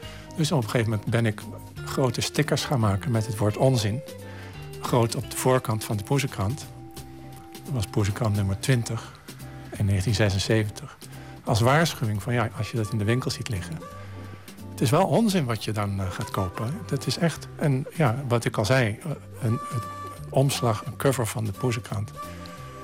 Zorg dat het zo raar mogelijk uitziet. Want je moet niet denken dat er ook maar één nuttig artikel in staat over de verzorging of tips, nuttige tips, voeding. Staat er niet in. In de jaren zeventig had ik een kat, Jan Jaap. En dat was echt een, een gezelschap. Daar kan je van zeggen, ja, dat is een kameraad. En daar eh, schreef ik ook heel veel over in de Poesenkrant. En alles wat hij deed was eigenlijk leverde kopij op. Je hebt ook katten die zijn gewoon saai. Er gaat niks van uit. Uh, ik heb een kat gehad die heette Witte. Ik heb een kat gehad die heette Paaltje. Nou, gaat niks van uit. En dan zijn het meestal katten van anderen waar, uh, waarover geschreven wordt in de Poesenkrant. Maar Jan Jaap was, had een grappig gezicht. Als je een foto van maakte, was het grappig. Als je een onderschrift bij zette, was het grappig. Uh, het werkt gewoon. En ja, dat is... Nu heb ik ook een kat die heet Kareltje. Dat is eigenlijk een tweede Jan Jaap. Ik hoop dat hij zo nog binnenkomt. En Kareltje kijkt je aan met een doordringende blik... Van die, dat je echt denkt, nou, het is een mens. Hij volgt alles. Hij volgt je bewegingen. S ochtends ga ik naar beneden, ga ik naar kantoor. Kareltje weet dat precies. Die loopt achter, voor me uit naar kantoor. Ijverig naar kantoor. Ik ga achter mijn computer zitten. Hij gaat op een andere stoel zitten. Of op een tafel, op een, op een stapel papier. Nou, we gaan weer aan de slag. En uh, uh, nou ja, ik kan er heel veel over vertellen. Maar dat is ook zo'n kat waarvan je weet...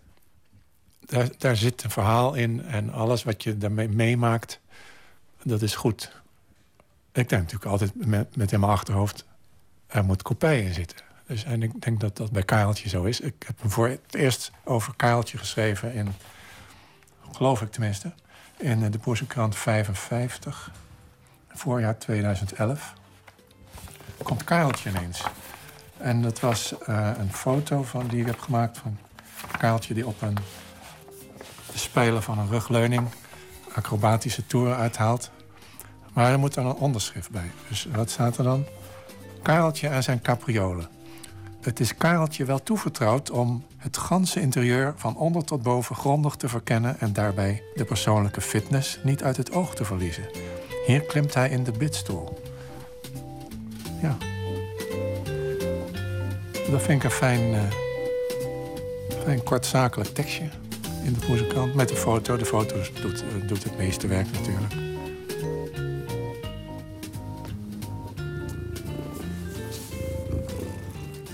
Snap je ze nou? Nee, er is niets van te begrijpen.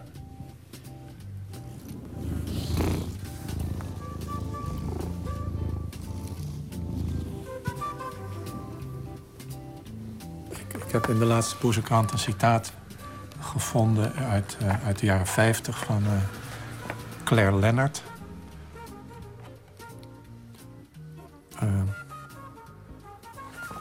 wacht, dan moet ik even opzoeken. Mhm. Een stuk in het Parool van 4 april 1953, die schrijft... De mens die zich superieur voelt, zal in de regel niet van katten houden. Maar de mens die gefascineerd wordt door het mysterie... raakt verslaafd aan de eerste de beste kat die in zijn huis weet door te dringen. Claire Leonard. Vind ik een goede observatie. Dat is een heel lang stuk over verder. Over uh, wat je moet doen met katten in huis. En dat je eigenlijk niet met vakantie kan als je katten hebt. Maar dit heb ik eruit gelicht als wel heel erg kenmerkend. Er zijn dus mensen die katten haten en mensen die meer hondentypes zijn. Hondentypes willen dat, dat er een bepaalde controle is. Of, uh, dat ze het kunnen regisseren. En katten kan je niet regisseren. En katten houden een hele gro grote ruimte over voor het mysterie. Daar kan je lang en kort over praten. Je komt er niet achter. En dat zie je dus ook aan de Poezekrant. Dat je kan 40 jaar zo'n krantje maken. Denk maar niet dat je eh, dichter bij het mysterie van de kat komt. Dat, dat is er niet. En ik ambieer dat ook helemaal niet. Uh, de Poezekrant is gewoon een krantje met een hele hoop onzin en flauwekul. Met de kat als, uh, als hoe zeg je dat, als uh, thema. En door er maar steeds mee door te gaan... Ja, je kijkt er eigenlijk steeds een beetje langs. Langs het mysterie kat. En ik heb wel het idee dat dat veel mensen aanspreekt. Ik bedoel, dat merk je wel. Het is een, het is een krant die ook wel tot mijn verbazing heel erg aanslaat. er was een keer iemand die, die schreef dat hij uh, snorharen verzamelt. Dat was in 1997. Jan Tolenaar in Baanbrugge. Ik verzamel snorharen, schrijft hij dan. En een heel verhaal erbij. En hij wilde dan een soort genootschap van mensen die ook snorharen verzamelen. En dat je dan bepaalde snorharen kan uitwisselen. Nou, daar heb ik dan een mooi artikel over gemaakt. En dan denk je, dat is nu afgelopen. Nee, daar wordt dus uitgebreid op gereageerd. En hier in nummer 55 in 2011 is er weer iemand die, die zegt... ja, net als Jan Tolenaar, nummer 45, pagina 18... verzamel ik al jarenlang de uitgevallen snorharen van onze katten. En dat is dan uh, Hanno. Zeker Hanno. Uh, nou, maakt niet uit. Uh, Henk-Jan Baakman in Emmen die schrijft... Mensen die last hebben van hoofdpijn... adviseer ik tegenwoordig een abonnement op de Poezenkrant. Helpt echt. Maar ze geloven het meestal niet. Of het is weer te duur. En uh, Mink Pfaf die schrijft... Zonder poes en poezenkrant is het leven leeg. Eén zinnetje. Ja, volgens mij is dat uh, ook voldoende. Mensen schrijven ook vaak iets bij een bankoverschrijving nog... voor de gezelligheid. En soms haal je daar ook een zinnetje uit. Maar er zijn ook mensen die zeggen dan... Oude tijden herleven. Mijn moeder was grote fan van de Poezenkrant. Zij is inmiddels overleden. Dus neem ik de honneurs waar en ga hem absoluut aanschaffen in de boekwinkel. Dat schrijft Marlijn Perlanken in Aalten. Dus eigenlijk is het allerleukste al die brieven. En die brieven gaan heus niet allemaal over poezen. Het gaat vaak over uh, bankrekeningnummers, verhuizingen, administratieve vergissingen. Uh, wat moet ik doen? Uh, nou ja, of, of mensen die een verkeerde accept in de bus hebben gekregen... en dat aan elkaar gaan toesturen. Daar geniet ik wel van. Dat, zijn, dat geeft iets gezelligs. Het heeft een soort clubgevoel. Wij horen bij de poezenkant. En ja, wat vooral zo idioot eh, en bijzonder is... dat dat dus decennia doorgaat. Er zijn dus lezers die, eh, die vanaf 1974, 1975 gewoon lid zijn daarvan... en gewoon iedere keer maar weer verlengen, hoe oud ze ook maar worden. En daar toch wel een, een persoonlijke band mee hebben. En dat geeft dan toch wel... Dat zijn, je kan niet meer zeggen... oh, dat is een krantje over poezen. Of oh, het is een krantje voor poezenliefhebbers. Het is toch iets extra's. En ik weet ook niet precies wat het is. Ik, ieder nummer is weer anders. En ik, ik verbaas me vaak over eh, wat erin komt.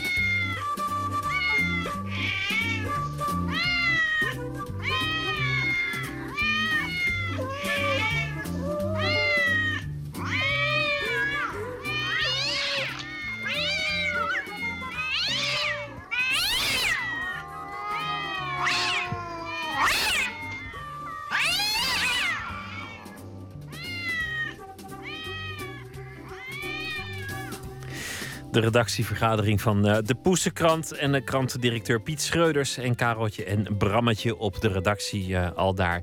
Meer informatie via pietschreuders.com en dan eh, slash pk van uh, Poesenkrant. De tentoonstelling in Amsterdam is vanaf 7 februari. Charlie Winston is een Engelsman, maar woont en werkt in Frankrijk en is daar ook succesvol. Curiosity is de naam van eh, het nieuwe album, zijn vierde alweer. En we draaien Fear and Love.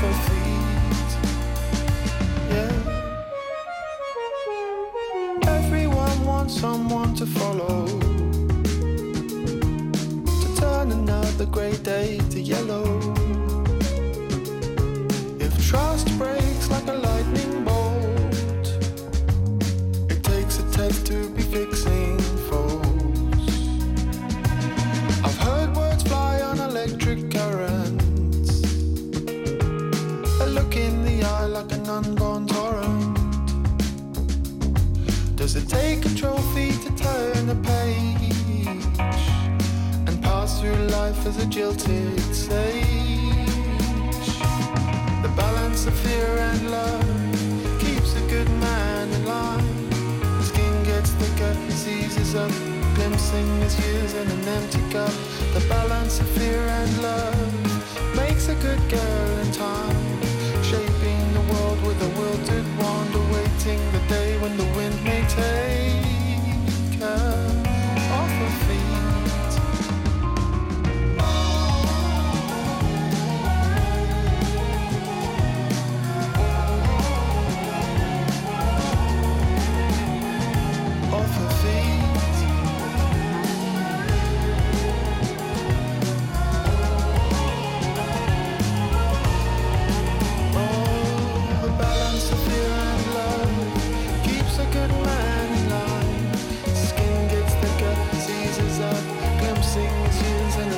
girl. The balance of fear and love makes a good girl in time. Shaping the world with a wilted wand, awaiting the day when the wind may take. Fear and Love, Charlie Winston treedt eh, 25 mei op in Amsterdam in Bitterzoet, maar dat is uh, alweer uitverkocht. Nooit meer slapen. Brimstone gaat hij heten. De nieuwe film van regisseur Martin Koolhoven. Een lang verwachte film. De hoofdrolspelers zijn vandaag eh, bekendgemaakt van die nieuwe film. Hij maakte zijn eh, vorige film in 2008. En dat was het wel heel succesvolle Oorlogswinter. Botte Jellema is onze nachtcorrespondent. Hij eh, weet er alles over. Goeienacht, Botte. Dag Pieter. Wie zijn die hoofdrolspelers? Ja, dat zijn Mia Wasikowska en eh, Guy Pearce. Eh Wasikowska die ken je misschien van haar rol in Alice in Wonderland, film uit 2010. En Guy Pearce die is bekend van rollen in, eh, nou heel vroeg, de, was het, 25 jaar geleden, Priscilla Queen of the Desert, Australische film. Memento speelde die in en LA Confidential had hij ook een rol. Ehm, nou vraag je je af of de bekendmaking van de hoofdrolspelers er nou precies een nieuwsmoment is. Maar eh, dat vonden we op de redactie van wel, omdat dus eh, sinds oorlogswinter eh Martin Koolhoven een behoorlijk stabiele carrière heeft gehad. Hij bracht heel regelmatig films uit, al vanaf begin jaren negentig. En tien jaar geleden toen kreeg hij zijn eerste successen met Schnitzelparadijs, Beetje Verliefd en natuurlijk de grote klapper Oorlogswinter, boek van Jan Terlouw. Heel groot succes. Bijna een miljoen bezoekers, prijzen voor de beste acteurs, drie gouden kalveren kwamen op de shortlist voor de Academy Awards en de film is uit, uitgebracht in het buitenland. Maar toen bleef het stil. Misschien stil eh, in, in films die hij uitbracht, maar niet rond eh, de persoon Koolhoven. Want nee. die zag je toch wel, wel zeer regelmatig overal verschijnen. In, in juries, in andere hoedanigheden, in eh, panels, talkshows, nou, noem maar op. Ja, hij had eh, veel te doen. Wereldrijd door schoof hij regelmatig aan. Had zijn eigen filmclubje in het iFilm Museum. Eigen productiehuis opgericht, niet te vergeten. Maakte ook commercials, dus hij heeft niet stilgezeten. Maar eh, ja, die eerstvolgende van hem, eh, daar hoorden we maar heel weinig over. En daarom nu dus even hier wel aandacht voor. Wat we wel wisten, was dat hij een western wilde maken. En dat hij die op film wilde draaien. Dus op celluloid. Hebben we het hier in Nooit Beslapen ook een keer over gehad. Maar verder dus niets. Tot vandaag. Reden om Martin dus vanavond even op te zoeken. Hij mag er nog niet veel over zeggen, dus vroeg ik hem wat hij wel over de film kan vertellen. Nou, dat ik er al best wel een tijdje mee bezig ben, bijvoorbeeld. Ja. Ik, eh, na oorlogswinter eh, bedacht ik op een gegeven moment dat ik een western wilde maken. En eerst heb ik aan een, een bepaald project geschreven... Wat, wat iemand anders geschreven had, maar daar, daar kwam ik niet uit. Dat vond ik niet goed. En toen eh, dacht ik van nee, ik, ik ga het helemaal zelf doen. En van de grond af aan bedenken. En, en het werd eigenlijk steeds donkerder... tot op het moment dat het meer eigenlijk meer een thriller eh, was dan, dan een western. Maar het speelt zich nog wel af eh, in, het, eh, in het Oude Westen, zeg maar. Ja, Martin vertelde dat het hem best veel tijd heeft gekost om het scenario te schrijven. Maar dat het hem de, nu dus toch zo ver is dat er het een en ander vast komt staan. Bijvoorbeeld de acteurs. Om te beginnen Guy Pearce. Hij was de eerste die ik benaderde en hij zei ja. Dus het was wonderbaar, had ik ook niet verwacht. En hij, ja, hij is een geweldige acteur. Ja, en het is een, een acteur die, eh, die niet alleen maar de grote Hollywood-rollen speelt. Dus die, eh, die eh, bedoel, hij zit ook in Iron Man 3, 3 of zo, weet je wel. Dat soort dingen doet hij ook. Maar hij doet ook bijvoorbeeld, hij zat ook net in The Rover, wat, wat een relatief kleinere film is. En daar speelt hij echt geweldig in. Hij houdt van hele donkere rollen en, en ja, dat is dit absoluut. Ja, Guy gaat een diabolische priester spelen. Een duivelse priester, priester dus. Eh, de hoofdrol die is voor Mia, Mia Wasikowska. En die speelt Liz. En dat is, eh, zo vertelde Martin mij, een jonge vrouw die niet kan praten. Die woont in een, een gemeenschap waar een nieuwe dominee in komt. Dat is Guy.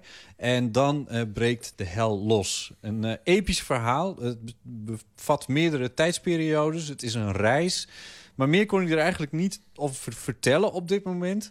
Maar wel dat hij dus Mia Wasikowska heeft als hoofdrolspeelster. in die leeftijdscategorie is zij gewoon een van de ja, paar beste eh, eh, eh, Engelstalige actrices. Net, net even kijken hoe oud is 25? Ja, volgens mij zoiets. Wat, wat niet veel eh, actrices hebben, is dat, dat je er gewoon heel snel en heel makkelijk emotioneel mee verbonden bent. Dus het is een, eh, ja, het is echt een, een vrouw of een meisje, hoe je het noemen wil, ergens ertussenin, waar je direct je hart aan eh, verliest. En eh, volgens mij is het een, een, een, een- echt een hele sterke en belangrijke rol. Eh, en je moet dus een actrice hebben die, die een heel erg, ja, hoe zeg je dat, groot palet heeft. Want, want ze begint als een soort eh, slachtoffer en ze moet dan uiteindelijk als een soort heldin eh, en, en alles daartussenin. Nou hadden we het erover dat het zeven jaar geleden is sinds de vorige film. Dat is, dat is echt een flinke periode. Ehm, Wat is er gebeurd? Waarom heeft hij geen films gemaakt? En wat heeft hij. ehm, ja, hoe, Ja. hoe kijkt hij daarop terug om, om als filmregisseur gewoon zeven jaar geen films te maken? Nee, precies. Nou ja, dat heb ik hem dus ook maar gevraagd. Ik vroeg hem hoe hij terugkijkt op die afgelopen jaren. Ja, die dingen duren zolang als ze duren. Kijk, je moet niet vergeten dat eh Oorlogswinter heeft ook vijf jaar geduurd... om dat scenario te krijgen. eh, of vier, weet ik veel, en dan nog financieren. Met, weet je wel? Dus de, eh, het enige verschil wat, ik- wat, wa- was dat ik toen ook nog tegelijkertijd ook films maakte. En dat schreef ik samen met andere schrijvers. Dit heb ik alleen geschreven. Ik heb wel een beetje hulp bij gehad, maar, maar voornamelijk alleen geschreven.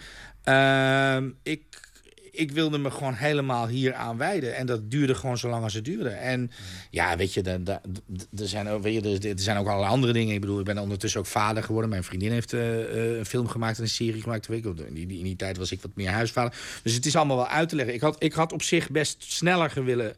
Weet je, ik had best eh, na drie jaar die film al, al willen maken. Maar dat, ja, dat lukte gewoon niet. Dus ja, en, en tijdens dat, dat je er dan mee bezig bent... dan denk je op een gegeven moment wel van... ja, het duurt nu wel lang en eh, heb ik wel het goede gedaan. Maar ja, nu het allemaal op de, op de rit zit... en, eh, en daar heb ik er absoluut geen spijt van. Hij is nog niet aan het draaien. De casting is al geweest. Wat is hij dan nu aan het doen voor die nieuwe film? Ja, is aan het overleggen, eh, vertelde hij me met de acteurs. Eh, met Guy, die heeft hij ook al ontmoet. Mia, dat moest toch allemaal even via Skype. Het zijn eh, Australische acteurs allebei, dus dat, eh, daar zit wat afstand tussen, zullen we maar zeggen. Een eh, aardbol. Eh, hij eh, werkt nog aan de locaties waar gaat eh, worden gefilmd. Maar ik zag bij hem al wel heel veel enthousiasme. ik heb hier zo lang mijn mond over dicht moeten houden. Dus ik vind het gewoon heel leuk dat ik er nu over kan praten. En ik zou willen dat een aantal dingen die ook al... weet je, Die, dat ik die ook al kon zeggen, maar die mag ik nu nog niet zeggen. Dus die kan ik nu ook, dat ga ik ook niet doen. We moeten het interview beëindigen. We moeten het beëindigen. Ga weg. Wanneer gaat hij draaien? Eh, de bedoeling is dat hij over een jaar ongeveer in de bioscoop is. Eh, hij eh, gaat in de loop van het voorjaar filmen. En nou ja, dan heeft het nog even tijd nodig voor de edit en de muziek en al die dingen meer. Dus hij zei over ongeveer een jaar, dan kunnen we hem verwachten. Nou begint komend weekend het filmfestival in Berlijn. Het beroemde internationale filmfestival. Heeft, heeft het daar iets mee te maken dat dit dan nu bekend wordt gemaakt?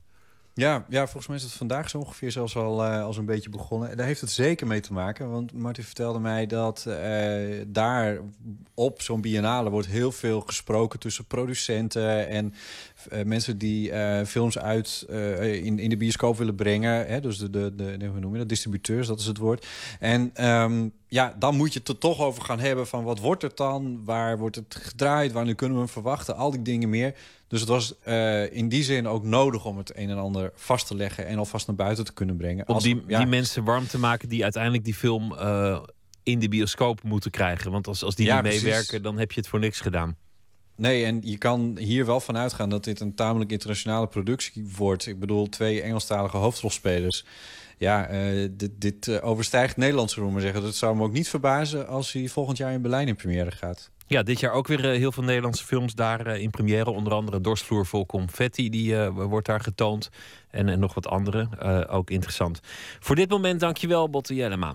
Graag gedaan. Hij had als baantje om wc's te monteren in vliegtuigen. En dat vond hij eigenlijk best leuk. En het zingen, dat deed hij erbij. En ineens brak hij door. En na een paar jaar, terwijl toen eigenlijk wel... nou ja, misschien wel de beste soulzanger van zijn tijd was... of in ieder geval een van de... hield hij het voor gezien. Hij leeft nog, hij is in goede gezondheid... maar optreden en zingen, dat eh, weigert hij ooit nog te doen. Bill Withers, hele grote hits gedaan... als eh, Lean On Me, Ain't No Sunshine en Just The Two Of Us. We draaien nu uit 1972, Use Me.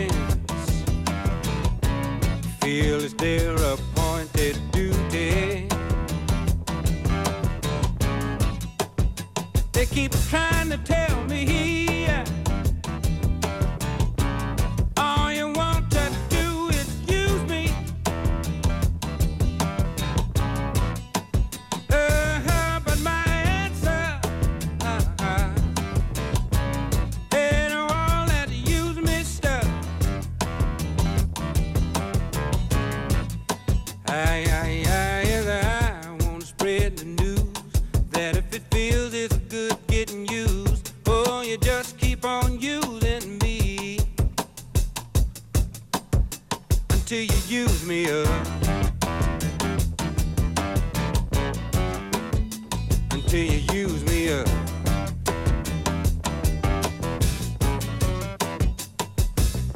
My brother sit me right down and he talked to me.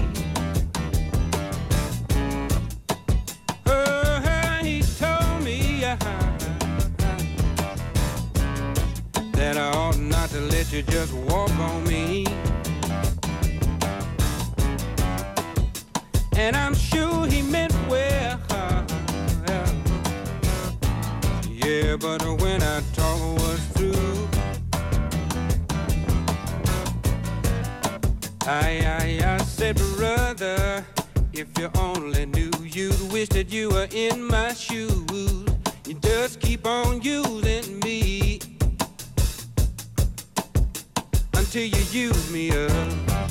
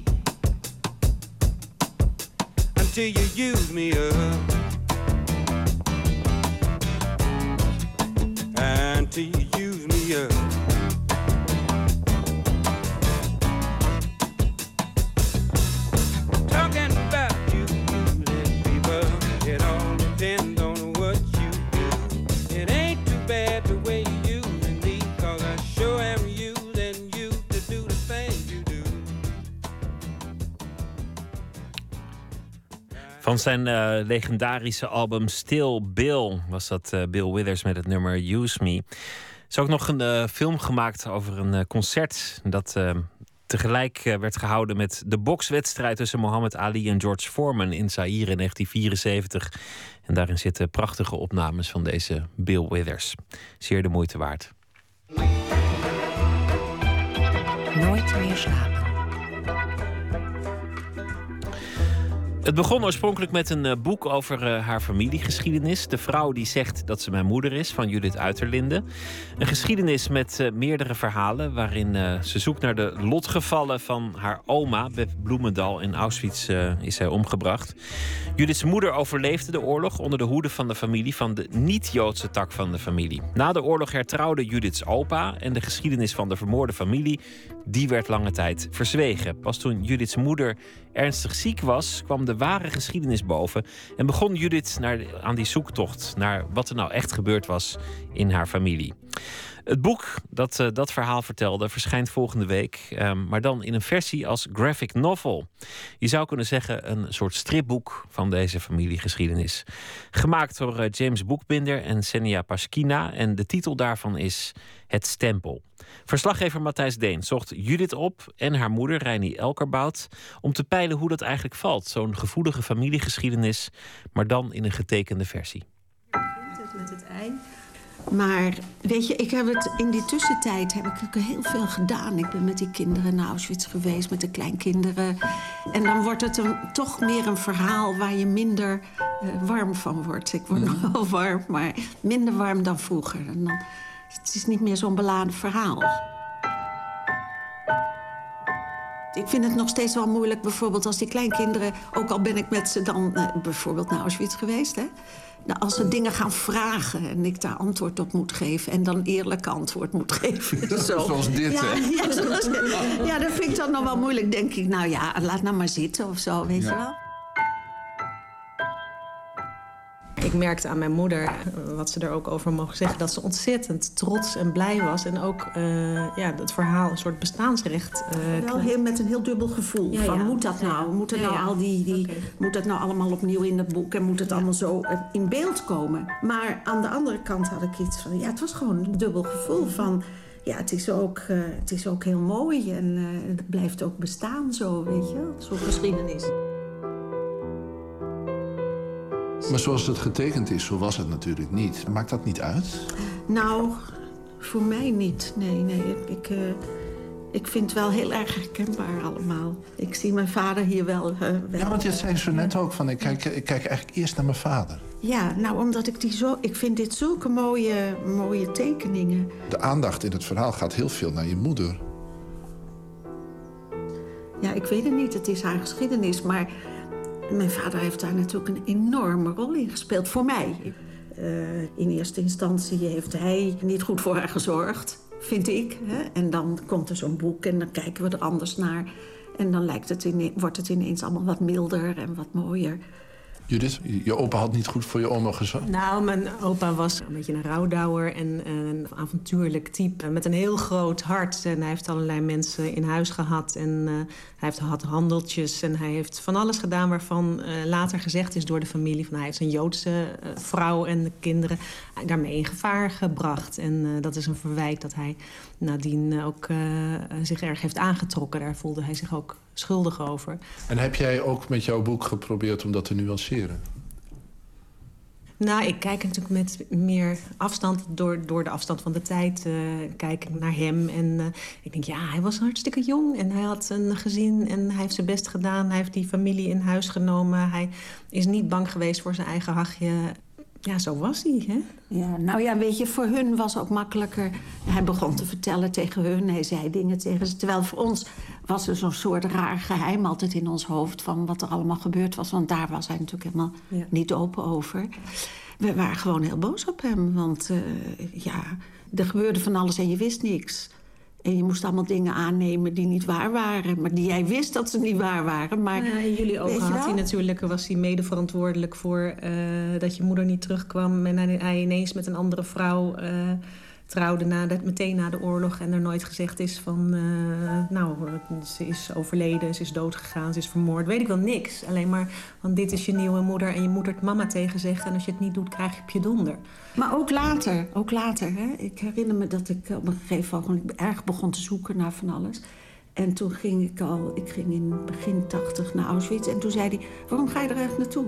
Er is helemaal niks. Je, kunt, je ziet er helemaal niks. En waarom zou je dat nou doen?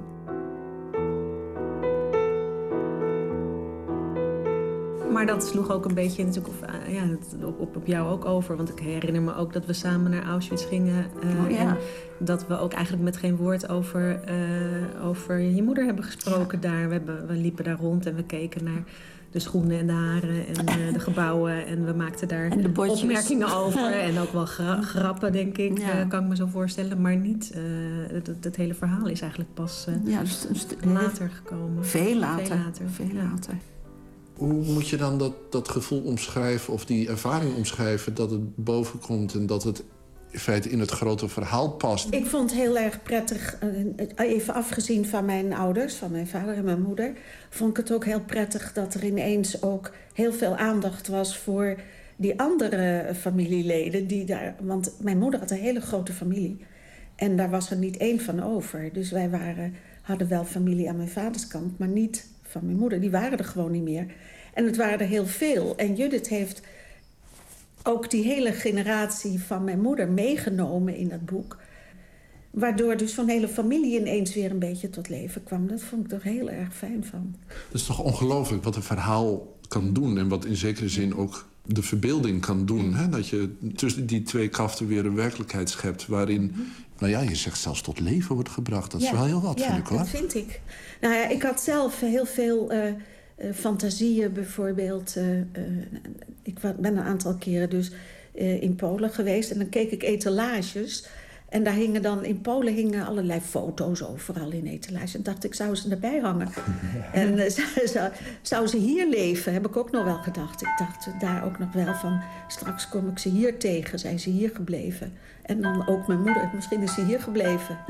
Maar dat, Maar dat is heel raar. En als ze dan in zo'n boek staan, dan is het toch, toch wat meer dood dan levend.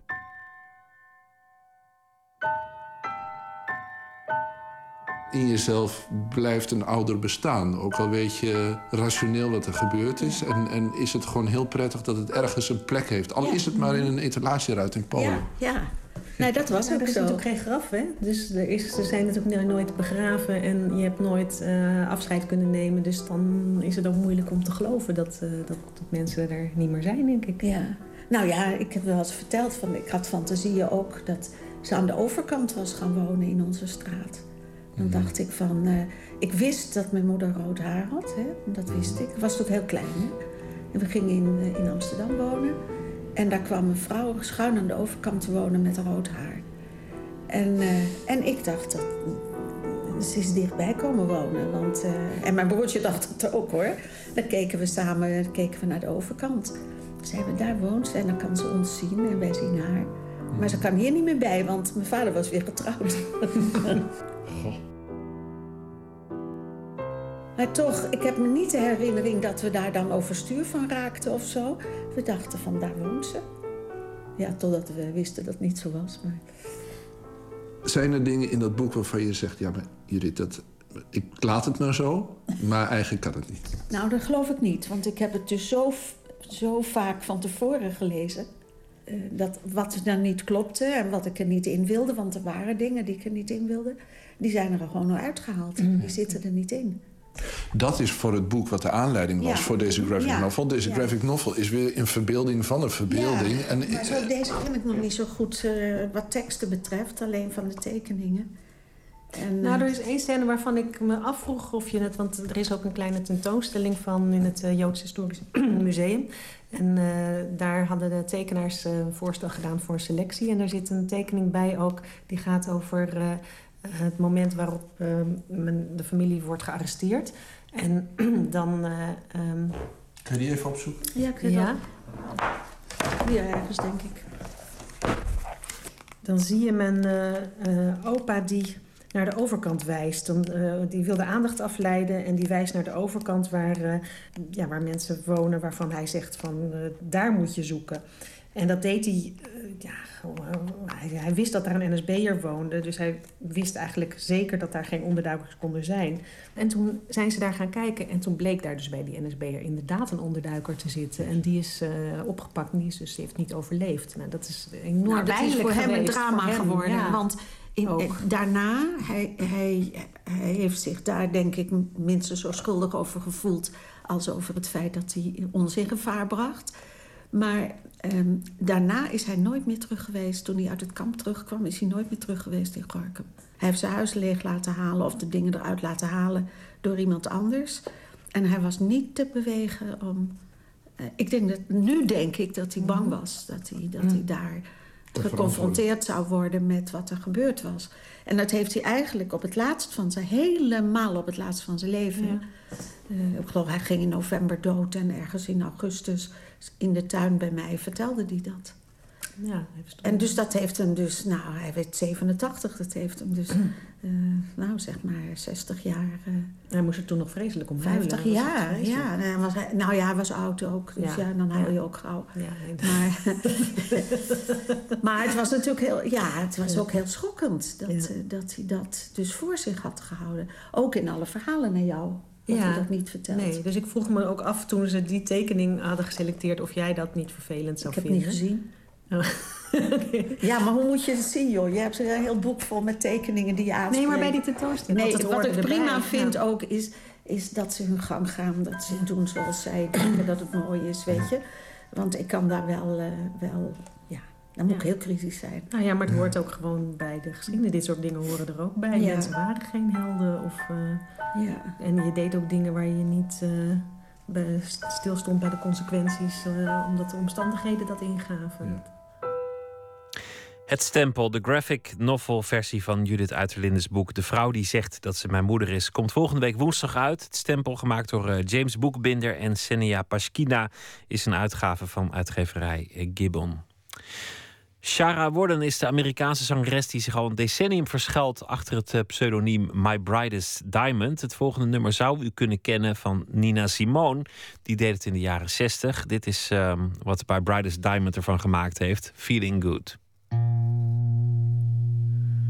Birds flying high, you know how I feel.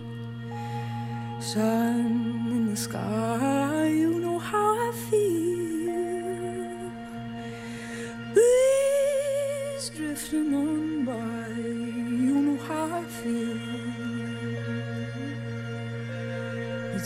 dawn, it's a new day. It's a new life for me. It's a new dawn. It's a new day. It's a new life for me. Ooh.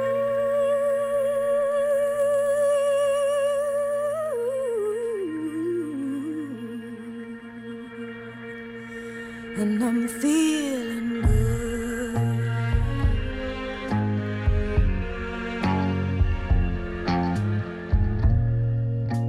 Fish in the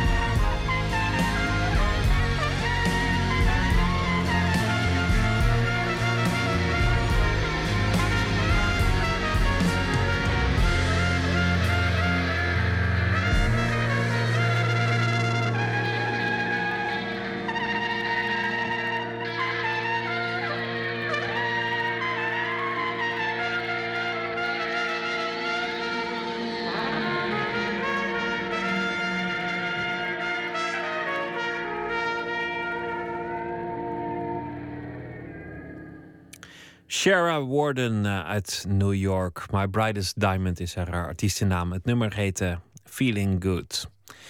Jean-Pierre Ravi is eh, dichter. Deze week sluit hij onze afleveringen af met een gedicht. Een gedicht van een ander, iets dat hem dierbaar is. Hij is dus dichter, heeft de Charlotte Kohler-prijs gewonnen voor zijn hele oeuvre. Heeft ook een roman geschreven in 2013. Vroeger was alles beter behalve de tandarts. Vandaag, eh, in tegenstelling tot eh, de rest van de week, zal hij wel een eigen gedicht eh, voorlezen. En de titel daarvan is Ritueel.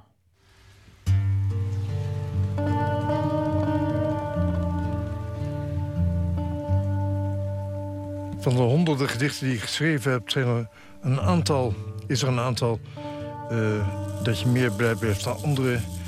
eh, mede door de omstandigheden waaronder het geschreven is. Het nu volgende had ik het gevoel eigenlijk dat eh, ik het gedicht niet zelf schreef, maar dat, het, eh, dat mijn hand min meer gestuurd werd. Ritueel. Ik houd het kleine ritueel in ere, opdat je elk moment terug kunt keren. Iedere dag, wanneer het avond wordt, maak ik de tafel klaar. Een extra bord, bestek, je eigen stoel, een kaars, een glas, alsof je enkel opgehouden was. Ik hoor, hoe kon ik denken dat hetgene waardoor ik ben voor altijd was verdwenen? Ik hoor, alsof de woning nog bestond, het grind, de klink, het aanslaan van de hond. En je komt binnen op het ogenblik dat ik de lamp ontsteek, de bloemen schik. Ik hoop alleen dat ik dan rustig blijf en haast niet opziend van mijn stil bedrijf de woorden vind als was het vanzelfsprekend. Schuif aan, tas toe, er is op je gerekend. Ritueel. Jean-Pierre Ravi eh, las zijn eigen gedicht eh, voor. En morgen dan eh, leest hij weer een favoriet gedicht voor in Nooit meer slapen. Dit was het voor deze nacht. Morgen na middernacht zijn we weer. Anton de Goede zal hier dan de honneurs waarnemen. En hij ontvangt Roanne van Voorst. Zij is journalist en antropoloog. Schreef eerder een boek over jonge allochtonen in Nederland. Jullie zijn anders als ons. Ze heeft nu een roman geschreven, De Verhuizing. En dat zich, speelt zich af in zo'n buitenwijk. Een prachtwijk, een vogelaarwijk. U kent ze wel. Ze kijkt wel met een antropologische blik naar de werkelijkheid. Een eh, personage, Freek de Maiker, is veiligheidscoördinator van de gemeente... en verantwoordelijk voor de leefbaarheid en de veiligheid in deze wijk. En hij eh, is er zelf ook gaan wonen om eh, goed te weten waar het allemaal over gaat. Verder gaan we het hebben over eh, goed en kwaad, het schemergebied daartussen en waarom mensen egoïstisch worden wanneer ze in eh, nood komen. Want daar gaat een theatervoorstelling over. De titel daarvan is eh, Hart, een bewerking van een roman Hart van Prikkeldraad van Lisette Leeuwin. Dat allemaal morgen in Nooit meer slapen. Voor nu een hele goede nacht. Zometeen Astrid Jong in haar hoedanigheid als nachtzuster. Morgen een leuke dag en ik hoop dat u dan weer luistert. Een goede nacht.